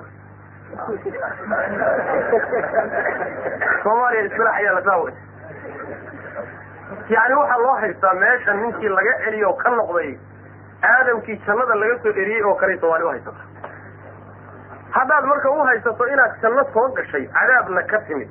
Weligaana ka tegi maysid aakhirkaagana warasadaada iyo farcaaguba gaalay ku dambayn doonaan. Nasiib xumana way kugu filan tahay in lagu yidhaahdo qoyskaa meeshaa degane saa u badan hebel bay ka tarmeen aabbahood islaam bu aha iyaguna waa gaal. Maalin baan kenya meel yani waxaan u baxay magaalo la yidhahdo masalan yani waxaan u baxay meel baadiye ah oo qabiilkan masaayda la yidhahdo u dego. Meeshii markaan tegey waxaan u tegey qoys soomaaliya oo degan oo meesha beer ku leh. Oday weyn oo da'a marka meesha joogo oo taqriiban siddeetan jir ah. Odaygii baa wuxuu igu yidhi uu ii warramo wuxuu igu yidhi tuuladaas taqriiban waa tuulo markaad saa ufiiriso waxaa degan ilaa taqriiban siddeetan qoys toddobaatan qoys wuxuu igu yidhi tuuladaas dadka degan asalkoodu soomaali bay ka soo jeedaan haddana waa wada gaalo say ku yimaadeen baa wuxuu yidhi soomaalidu markay soo gaadhay yani waxa weeyaan dhulkan masaayidu degtay yimaadeen ingiriisku intuusan celinin xoolahay dhaqan jireen oo halkaasay soo gaadheen iyagiiyo masayda islaayay marka dagaalkiibaa waxaa lagu qabsaday nin ugaas ahaa ama suldaan ahaa oo dadkii meesha socday suldaanu ahaa aadna u quruxsanaa bay masaayidu qabsatay. Markay qabsadeen bay la tageenoo meeshii markay geysteen waxay war ninkan koodha badan haynaga dilinay inoo daayo. Suldaannimayba u caleema saareenba suldaan bay ka dhigtay. Gabeedhna way u guuriyeen. Ninkii waa tarmay. Ninkii carruurtiisii baa isa sii dhalay toddobaatankaa qoysee tuuladaa degan ninkii bay ka soo jeedaan soomaaliga. Ah kulligoodna waa wasaniyiin aan diin lahayn. Ilahayna aan aqoonin ma saasoo kalea doonaysaan inuu umadkiinu noqdo oo la yidhahda gaala ka farcanta way imaani haddii aad tamaabushaysan weydaan. Marka waxba yaan meeshan la isku dhajinini sabaadka iyo sugnaansho haddaad doonaysaan meesheedii inaad raadisaan bay u baahantay waxaan kaga baxayaa muxaadarada iyo warka macnaha waxa wey aan ku gabagabaynaya qodobka igu dambeeya wuxuu yahay sabaad iyo sugnaansho haddaad doonayso waa inaad u shaqayso mabda aad rumaysanto mar kasta ood shaqaynayso oo adiga aad shaqo ku jirto dagaal aad ku jirto weerar ku jirto adiga in laguu soo gudbaayo way adagtahay waxaa la yidhahdaa khayru wasiilatin lidifaac alhujuum baa la dhaha wasiilada ugu fiican markaad doonayso inaad isdifaacdo waa inaad adigu hujuumtood weerarto soo ma masalan markii masalan dawladuhu islaynayaan ama ruuxaad islaynaysaan ruux markaad isu timaadaan oo islaynaysaan waxaa fiican haddii kolley kolley dagaal dhacay inaad gacan qaad kala horayso soo ma waa inaad weerarto. Laakin haddaad un taagan tahay oo adigu uu kugu socdo un dagaalku kugu socdo marka dambe waa lagu riixi sooma. Waa lagula tegi. Soo ma marka adiga weerar thaqaafadooda weerar afkaartooda weerar dhaqankooda weerar akhlaaqdooda weerar adiga haddaad weerar socdotood dagaalamayso oo dadkiina baraarujinayso xumaantoodii muujinayso shaki ma laha waxaad ku jirtaa derbi weyn baa adiga iyo gaalada idin dhexaysa goorta lagu soo gaadho ma dhawo sooma? Goorta lagu soo gaadho xataa waa isdareemi kartaa inaad soo jilecday markii weerarkii aad soo yani waxa weye meelihii aad weerari jirtay aad qayb kamida ka soo insixaabto oo haddana qayb kale soo insixaabto in lagu soo galay markaa waad garani waad tamaamushaysan sooma laakiin mushkila waxa weeye markaad intaas dhigato un weerar kugu socdo oo gantaalo kugu socdaan oo gurigaaga ku socdaan oo adiga kugu socdaan laakiin haddaad adigu daaci tahay ood adigu gudbinayso oo dadkii ka waaninayso oo dadkii kala hadlayso ood ilaahay u shaqaynayso ilahay waa ku xifdinaya subxana watacala shaki male ixfad illaha yaxfadka buu nabigu yuri salawatu rabbi waslamu caleyh ilaahay xifdi wuu ku xifdin allah xifdintiisa waxaa ka mid ah inaad diintiisa ushaqayso in tansuru llaha yansurkum. Haddaad ilaahay u hilisaan waa idin hilinaya. Wayusabbit aqdaamakum. Gomadihiinana waa sugaya.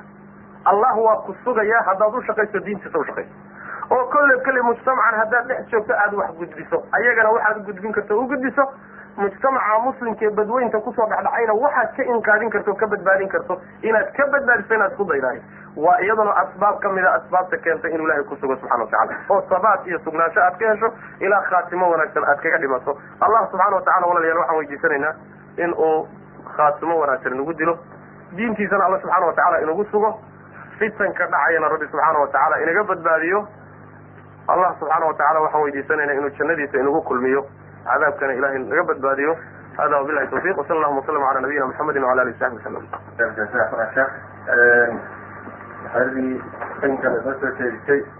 insha allahu tacaala waxaan doonayaa inay joogto salaadii qushe haddii salaadii qushe joogto insha allah waan tukanaynaa haddii kalena su'aalahaanu geli doonaa insha allahu tacaala haddii marka waktiga cushaha uu wax yari ka hasan yahay taa aynu soo jeesano si yani inagaa su'aal ama laba keliya ama gaarin aynaan su'aali ugula gelin saailka kood wuxuu walaal sheekh maxaa ah sababaha qofku ku ridoobo sababaha keena inuu ruuxu ridoobo intaan sheegnay cagsigeedo markii la soo gaabiyo intaan hadda sheegnay inta ka soo horjeedaba waxay keenaan ruuxu inuu ridoobo oo diinta ka baxo wabilahi tawfiiq walaal waxaa saaxiib la ahay nin ribada qaata sida guriga guriguu iibsaday ama alabta guriga u taala ninkaas shirkad ganacsi ma la geli karaa bismillah haddii waxa aad shirkada kula gelayso lacagta uu kuu keensanayo eed isku darsanaysaane xaggiisa ka soo jeeda haddayd og tahay inuu ribo ku soo qaatay ma banaana inaad shirka la gasho maxaa yeelay faa'iidada ka soo baxaysa lacagta faa'iidada ka soo baxaysa lacagta waxaa wada dhashay lacagtiisa iyo lacagtaas. Hadday lacagtiisu xaaraam tahay macnaheedu waxa weeyaan waxba kuma darsan kartid lanana mucaamaloon kartid. Haddii guriga uunu ribo ku qaato guriga alaabta utaaliya intaasi ay ribo tahay laakiin lacagta uu kugula gelayo ganacsiga iyo shirkada ay tahay lacag xalaal ah markaasi waxa weeyaan waad la ganacsan kartaa gurigiisa iyo intuu ribada ku qaatayna waad iska ilaalin kartaa ribaduna wax sahlan maa walaalayaal aad bay runtii u culus tahay. Ribada yani meeshii ribo lagu sheego ruuxu inuu ka fogaada loo baahanya. Allah subxaana watacaala qur'aanku ku sheegay in dadka ribada qaata uu la dagaalamayo. Waxaa kaloo qur'aanka uu ku sheegay ilaahay ribada inuu tirtirayo. Oo baraka la'aan ay ku dhacayso in ribada uu baabi'inayo xadiis saxiixana nebiga waa kaga sugayen salawatu rabbi waslamu aleyh ribadu haba badnaatee aakhirkeeda yaraan bay ku dambayn bu nabi uri salawatu rabbi waslamu aleyh waa xadiis saxiixa weye dembigeeda aakharana yani axaadiista nabiga ka sugan sal lay slam wuxuu nabigu leeyahay alriba halaatun wa sabcuuna baaban aysaruhaa mislu an yankixa arajulu ummahu buu nabi uri sal lay slam ribadu waa toddobaatan iyo saddex baab wey toddobaatan iyo saddex nooc bay uqaybsantaa nooca ugu dembi yar wuxuu la dembi yahay nin hooyadii naagaystay oo kale. Ma dembi fudud ba nin hooyadii ka zinaystay wax saalan miya? Ribada nooca ugu fudud baa la dembi ah xadiid kaloo saxiixa waxaa ku sugan inuu nabigu yuri sal lay slam dirhamu riba ya'kuluhu arajulu wahuwa yaclam acdamu cinda allahi min halaatin wa halaatiina zanya buu uri sal lay slam hal dirham oo ribo ah oo ruuxu isagoo og uu cuno ayaa ilaahay agtiisa ka weyn dembi ahaan soddon iyo saddex goor oo ruuxu uu zinaysto. Wax sahlan ba marka ma sahlan. Dunuubta ugu waaweyne ilaah laga galay ka mid ka fogaada marka. Haba yaraatee ribo iyo idinka meeshii ribo lagu sheego ruuxa muslimka inuu ka carara la doonaya. Uusan u dhawaanin wabilahi tawfiiq jasakum alla khayr sheekh daayarkana wuxuu leeyahay walaan waxaa qaataa lacagta kaalmada wadanka laga siiyo waana shaqeeya. Waxaa jirta warqad laga soo diray saddexdii bilood oo mar oo weliba ah dhaar inaan meel kale lacag iga soo gelin. Marka arrinteedu waa maxay? Jasakum alla haddayna kaa soo gelin meel kale saxiix hadday meel kale kaa soo gashana sheeg meeshay kaa soo gasho been ha sheegi been marnaba ha sheegi ilaahay subxaana watacaala ma ogola in gaal been loo sheego muslimin been loo sheego. In muslim la khiyaamo gaal la khiyaamona ma ogola. Caqdi aan sax ahayn oo been ku salaysan in gaal lala galana ilaahay ma ogola muslim in lala galana lama ogola. Marka haddii adiga wax lagugu siinayo calashani ma shaqaysto. Markii aad shaqo hesho waa inaad tidhahdo waan shaqaystaa. Saas way macana wabilahi tawfiiq jasakum alla khayr sheekh daayarkana wuxuu leeyahay waxaan hayaa carruur ay walaashay dhashay aan ku keenay in aan anigu dhalay marka lacagta la igu siiyo ma ku xajiyi karaa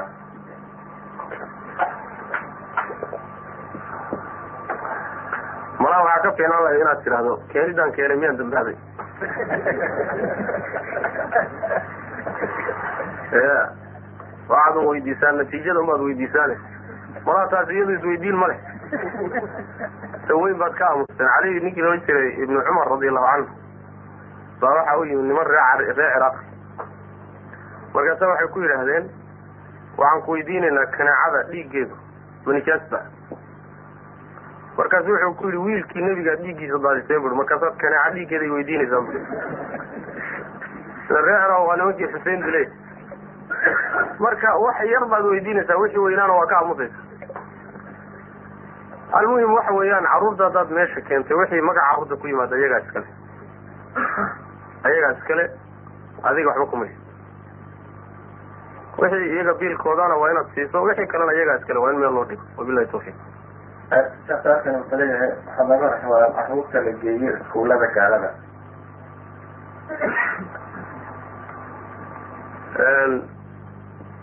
Su'aalo fara badan inaad iska daysaan baa ila quman laa tas'aluu can ashyaaa in tubda lakum tasu'kum waxaydaan yeelaynina warkiisa iska daaya iskuullada gaalada ilmaha ha geynina haddaan caawa idhaahdo ma geeni ma iga yeelaysa te maxaad ii weydiinaysaan marka wabilahi tawfiiq ka gudub jasakum alla khayr sheekh daayarkana wuxuu leeyahay walaan waxaa jirta arrin aniga waalidkeena kala dhex taala oo ku saabsan xagga xaaskayga xaaskana wax dhibaataa xaggeeda ma aha laakiin waa arrin adduunyo. Marka arrintaa maxaan ka yeelaa. Aniga waalidkii waa arrintuna dhex taallaa. Arrintan xaaskaygay ku saabsan tahay. Malaha wax iyada khasiyadeeda ku saabsan waa adduunyo. Waxaa sugan cabdullaahi ibnu cumar aabihi cumar inuu ku yidhi xaaskaaga fur markuu nebiga la tashadayna wuxuu ku yidhi aabbaha hadduu fur ku yidhi fur. Waalidka wixii gartaro iyo xadguduba meesheeda weeye nina lagama ogolaanayo laakiin haddii xaaskaaga iyo waalidka isu kaa qabtaan labadoodabana aada isku wadi weydo. Keebaad dooranaysa waalidkeebaad dooranaysa haddaad isku wadi karto gabadhiina aada wadi karto waalidkiina raalli gelin karto raganimadaas haddaad leedahay ahla wasahla waa loo bahaya iskuma wadi kartid soo ma ah naag waa la helaa laakin waalid lama hela haddaad furto soo naag kale guursan maysa laakin waalidkaa haddii aada caasido oo tuurtaay waalidkana miyaad ku bedelto meelaysa maya meelaysa waalidka ka xaq weyn xaaska. Sidaas daraaddeed waalidkaa raaligelintiisa ku dadaal gabadha haddaad saa ku hayn karto waalidkuna raalli noqon karaan waa fiicanta isku wad. Hadday isu kaa qabtaan oo labadooda mid inaad goyso ay noqoto waa inaad markaa reerka sii dayso wabilahi tawfiiq. Leeyahay xaaskayga inaa naaskeeda nuuga ma ii bannaan tahay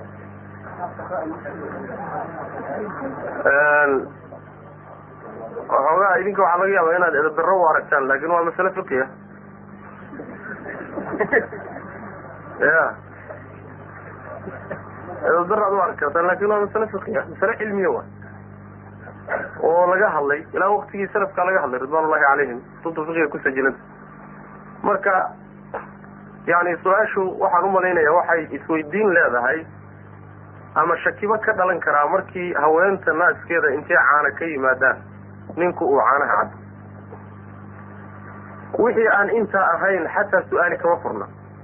Maxaa yeele waa nooc istimtaaca ka mid a wax isba'siya male wax hadal ka keenayna ma jiro laakiin wuxuu imaanayaa su'aashu imaanaysaa haddii masalan caana ay yimaadaan oo ninkii caanihii ay ku tagaan ama caanihii uu cabo naaska ka yimid markaa xaaskii ma ka furmaysaa mise kama furmayso halkaas unbaa masalada unbay isweydiin leeda waase markii caanuhu ku tagaan oo caano uu cabo wa ayib taasna iyadana sida sawaabka iyo saxiixa waxa weeyaan nin weyn oo wax iyo daruuro kaliftay ayna jirin haweenay uu naaskeeda caana ka nuugay wax xugum oo ka dhalanaya ma jiro.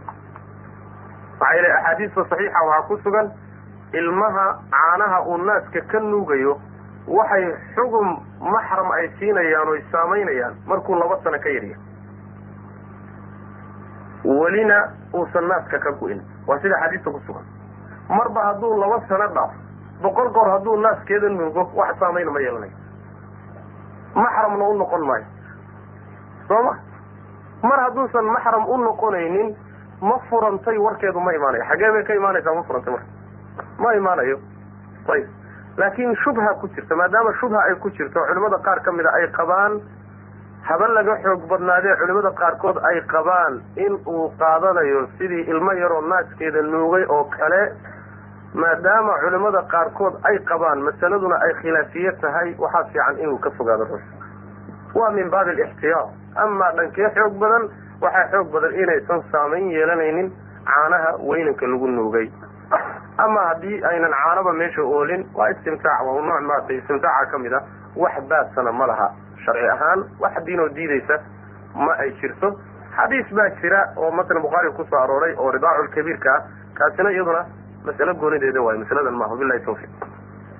Saa-ilkani wuxuu leeyahay mudaharaad in loo baxo ma bannaan tahay iyada waxa loo mudaharadiya uu yahay wax xaq ah. Kolley anigu ma garanayo meelay mudaaharaad ku soo arooray.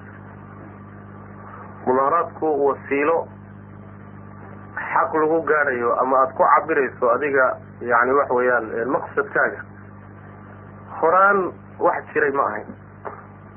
Waa dhaqan un taqriiban gaalada laga soo gaadhay waa dhaqan gaalada laga soo gaadhay kadibna muslimiinta qaar ka mida ay qaateen oo lagu saamoobay marka yacni xaalaad daruuro oo kaleeto waa laga yaabaa in la yidhaahdo haddii la is leeyahay waxun baa lagaga heli karaa ama wuxuun manaafacaada ku imaan karaya laguna qasban yahay markaas. Lana hubo wuxuun in lagu helayo wasiilo kaloo loo marana aynan haynin. Waa yacni xaalaad daruuro oo kale waa iska dhici kara laakin wasiilo asalkeeda mubaaxa ma ah wasiilo mubaax asalkeeda iska sideeda isaga badan maa sababtuna waxa weeye wasaa'il sharci oo diinta laga soo gaadhay maha marka labaad waa wasiilo gaalada laga soo gaadhay wixii gaalo laga soo gaadhay iyo qaababkoodana qaacidada saxdii waxay tahay man tashabbaha biqawmin fa huwa minhum. Ta kale meesha ku jirta waxay tahay mudaaharaad maxay bedelaan ya mudaaharaad maxay qabtaan sidooda mudaaharaad wax ma bedelaan adduunka o dhan hadduu mudaaharaado maraykan markuu ama ku duulayo meesha loo jeedo ciraaq ku duulaya hadda adduunka o dhan sooma mudaaharaad ya caalamkao dhan kufri iyo islaamba waa mudaaharaadeen haddana maxaa laga qabtay? Ma waxbay bedeshay waxba bedelay? Saas maa marka waan buuqbuuqaynaayo yani waxa weeye telefishinadon baan iska soo dayno kadibna waxa weeyaan khalaas a abuur kacayo markaana damayn bu iska noqonay. Marka yani wasiilo runtii waxa wey fiican maaha sharcan wasiilo fiican maaha. Wasiilo muslimiinta ka soo jeedana maaha. Laakiin waxaa dhici karta marmarka qaarkood iyo meelaha qaarkood in ay noqoto wasiilo daruuri ah oo meelaha qaarkoodna bacdu lmanaafic iyo masaalix ay muslimiintu ku gaari karaan. Meelahaasoo kale waa la dhihi karaa min baabi daruura haddii wax lagu helayo. Laakiin asal ahaan waa wasiilo gaalo ka soo jeeda wey wabilahi tawfiiq. Saarkan wuxuu leeyahay waan waxaa lahay dhaktar waxaa ii yimaada naga gaaro ah oo raba inay ilmaha iska soo ridaan marka arrintaas oo dhan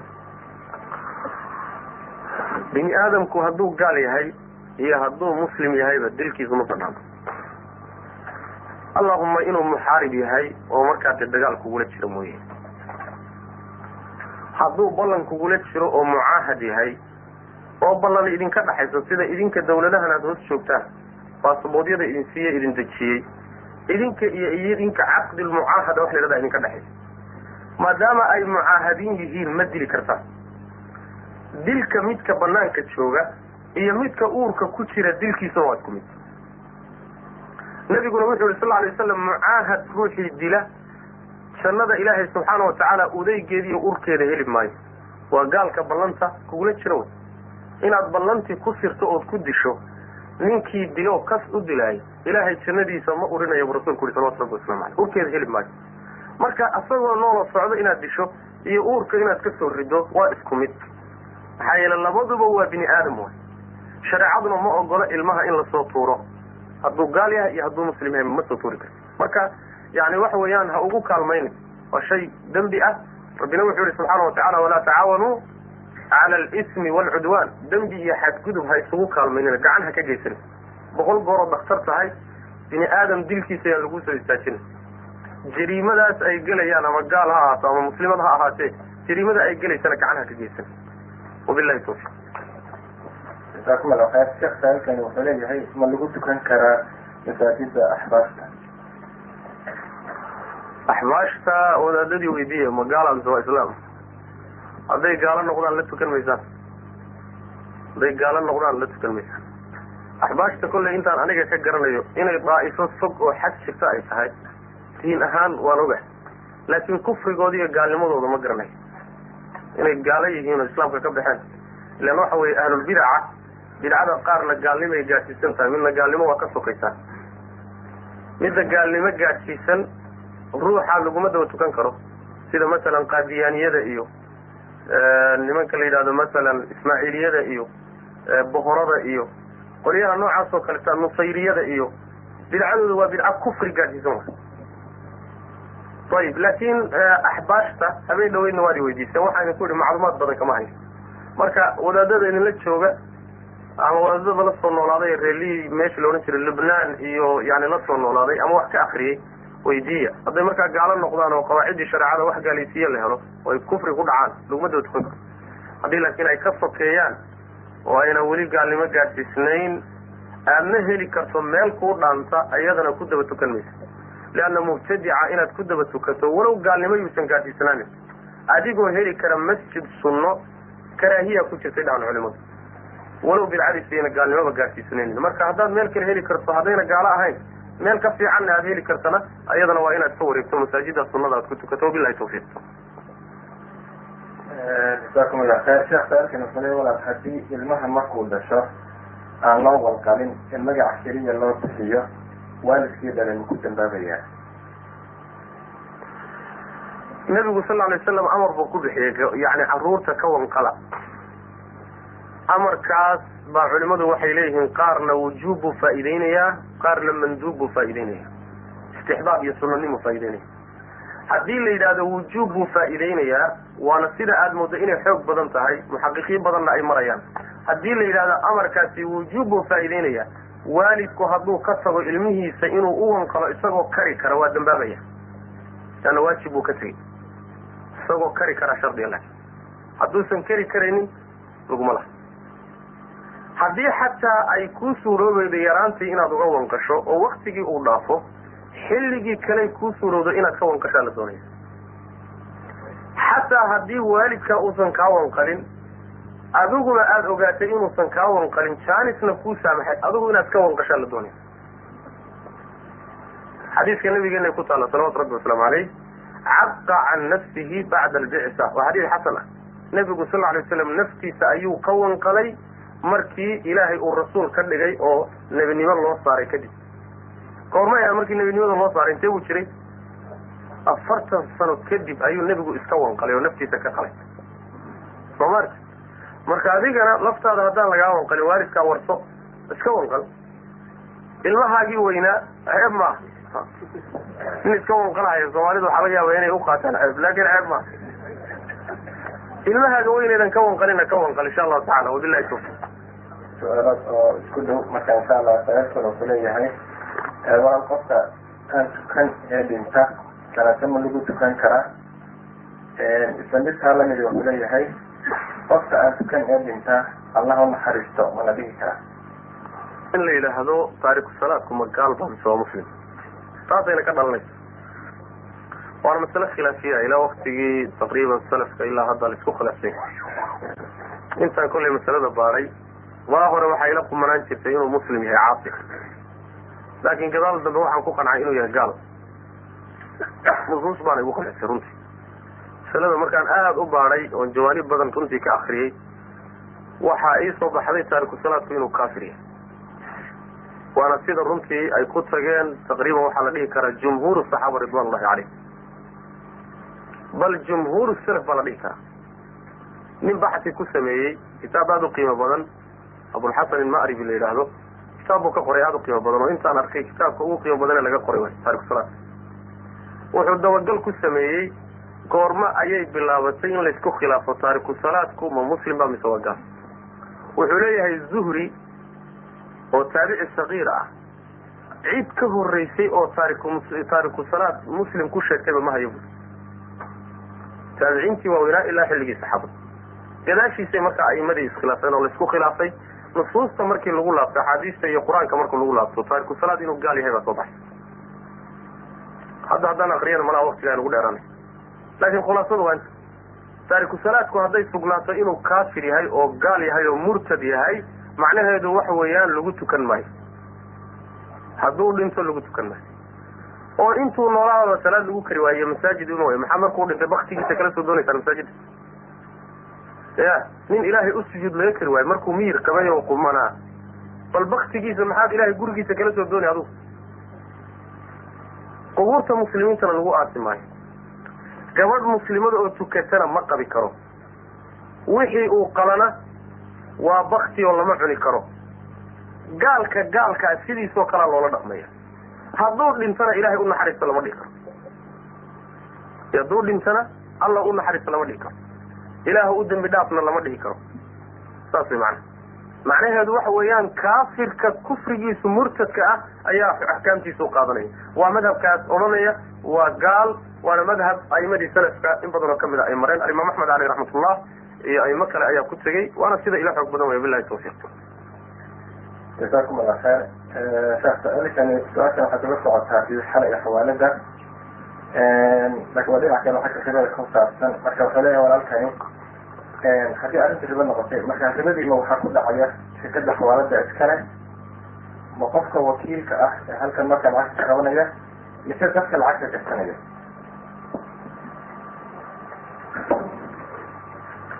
horta inay ribo tahay ma laisla ogolaaday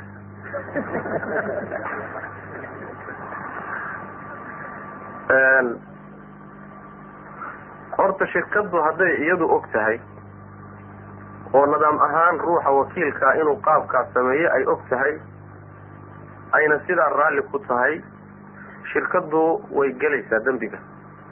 Ko haddayna shirkaddu ka warhaynin ama ay ku tidhi qaab kale intay kuu jidaysay aada adigu markaasi nidaamkan la timid oo khaas uu kugu yahay shirkadduna ayna ka warhaynin markaasi dembigu aduu khaas kugu yahay shirkaddu markaan waa ka nabadgelaysa dadweynaha markii la yidhaahdo nabigu wuxuu yihi sal lla alay wasalam lacana allahu aakila ariba aw lacana rasuulu lahi sal lla alay waslam aakila ariba wa muukilahu. Rasuulku wuu lacnaday sal alay waslam midka ribada cuna iyo midka cunsiiya midka cuna la garaya laakin midka cunsiiya waa keen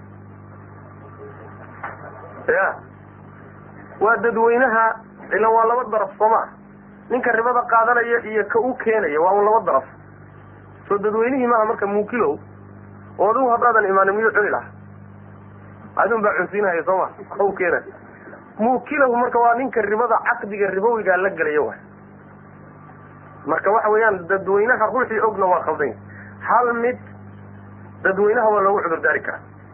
Hadday waayaan jid kale waayaan ribadiina la qaadanayo nimankii wakiiladaha ay saa isku qanciyaan. Jid kale oy wax ku gaadsiiyaanna dadkii ay waayaan ayagu markaa daruuro ahaan ayaa laga yaabaa in dembigu uga korno. Daruuro ahaan bay markaa iyaga ugu banaananaysaa leanna waxa weeyaan yani naf iyo naf baa lagu badbaadinayaayo dad baahan baa lagu gaadsiinaya ayagii marka daruuro ahaan bay u noqonaysaa laakiin haddii ay jirto mid ribadii joojiyey oo jid kaleeta sameeyey adoo heli kara walow kharashku kaa qaadanaya haba badnaatee waa inaad ribada ka wareegsato kaa kale aad wareegsato. Masalan haddii dhowr wakiil ay joogaan magaalada oo mid intuu nidaamkii rabowigaha ka baxay uu hagaajiyey kuma banaano markaa kuwa kale ee ribada wax ku qaadahaya inaad u tagto. Marka waxaad noqonaysaa inaad ribadii cunsiisay lacnaduna waa kugu dhacaysa kaas dariiqaa kale ee ribadu ku jirin waa inaad marto. Walow waxa lagaa qaadayo midna shan ha kaa qaado midna toddoba ha kaa qaado. Ma laba daraaddeed baad ugelaysaa riba ugeli oo lagugu ogolaanaya. Maya jid kale haddaad hesho inaad ribada ka wareegsato haddaad jid kale weydaan oo wakiiladu kulligood ay jidkaa ribada wada maraan markaa idinku waxa weye daruuro ahaan baa idinku kalifaysa waa qasbantiin marka. Soo ma? Waa qasbantiin marka. Dadweynuhu waa qasbaya markaa nin qasbanna yani waxa weeyaan dembi male wabilahi tawfiiq su'aalo aad bay fara badan yihiin sheekuna in badan buu hadlayay haddana ballan kale wuxuu leeyahay qoladii baasooda insha allah marka insha allah tacaala waan ku soo khatimaynaa su'aalaha waan hayn doonaa insha allah waxaan isku dayi doonaa birita wixii muhiim ah yaan laga maarmi karin inayna su'aala birita dib ugu soo garin marka su'aalkan waa talo walaalkan wuxuu leeyahay waxaa jira iskuol soomaaliyeed oo magaalada ka furan ardayna la maxaa marka warar kula talin lahay dadka soomaaliyeed waa su'aashii horey ku xidhantay iskuullada gaalada ma geysanaa ilmaha iyo tanaa isku xidhan. Haddaad iskuol islaam helaysaan iskuol gaala inaad geysataan waa xaaraam bal waa xaaraantii oo sii labalaaban maxaa yeelay maadaama aada awood u leedahay tabarteediina leedahay ilmahaagana ka bixin karto dad muslimiina inay gacanta kuugu hayaan tarbiyadoodii iyo akhlaaqdoodiina ku ilaaliyaan. Waxoogaa adduunyo ah ood ilaashanayso inaad ilmahaaga gaalo ugu gacan gelisahay. Hadda waxa weeyaan waa uun taqriiban carruur easy way midaas mar baynu gadanay ilmaha mar labaad iyaynaan gadanay mar baan gadanay oo markaynu meeshan ku soo xaraynay waan gadanay leanna mustaqbalkoodii iyo aakharadoodii baynu ku khamaaraynaa mar labaad iyaynaan gadanin oo inagoo khiyaar heli karna dad muslimiina inay gacanta inoogu hayaan iyaynaan gaalada gacanta u gelin oo mar labaad iyaynaan ilmaha iisanin duruuftay dooni ha kugu ahaato siday dooni ha kugu cuslaato maadaama aada xamili karto ilmahaaga iskuol islaamiga haddaad heli karto geeya wax badan buu runtii fududayn karaa wax badan buu qaban karaa wax badan buu baajin karaa inkastoo isaga laftiisa bii-ada uu ku dhex jiraayo yani waxa weye wax badani ka tan badan yahay. Haddana waxa weye takfiifu shari waa loo baahan yahay. Sharka haddii wax laga dhimi karo in laga dhimo. Hadduu boqol kiiba konton yahay oo boqol kiiba soddon ay ka dhigi karaan oo labaatan ay tuuri karaan waa yani waxa wey waa waa sad wey. Sad wey. Marka inaad ku dadaashaan walaalayaal waa nooc iskaashiya yani bulshooyinka kale oo kale haddaad aragtaan masalan adduunka waxaa lagaga dhaqan yahay meeshii aad tagto adiga dhaqankaaga iyo mabda'aagu wuxuu kugu xifdisnaan karaa community jira inaad tahay oo iskuulladiisa leh. Wax badan baa marka kuu baaqan kara.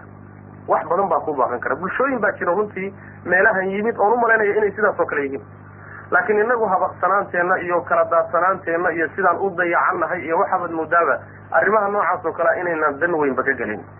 Wax badan kolley kolley waxaad moodaa inaydaan in badan oo idinka idinka mid a warka odhanaya war hala guuro waaba idin dhibaya in badan oo idinka idinka mid a marka qaar badani waxaad moodaa inaysan soconin marka kolley iyo kolley meeshii waxun baa ku sii dambaynaye in lagu dadaalo oo dadka cuqaasha iyo odayaasha iyo waxgaradka iyo wadaadada iyo hala iskaashado mutacalimiinta iyo iskuulka islaamiga hala xoojiyo carruurtana hala geeyo. Wax kale haddaadan u tarin ilmaha geey. Ilmaha geey oo intaas waxtar uga dhig insha allahu tacaala. Ilaahayna subxaana watacala ula niyooda ajir iyo khayr baad ka heli. Ilmahaguna waa kugu xifdisanya biidn illahi tabaaraka watacaala wajazakum allahu khayra insha allahu tacaala waxaa inoo badanaysa salaada duhur ka bacdi iyo halkan oo aynu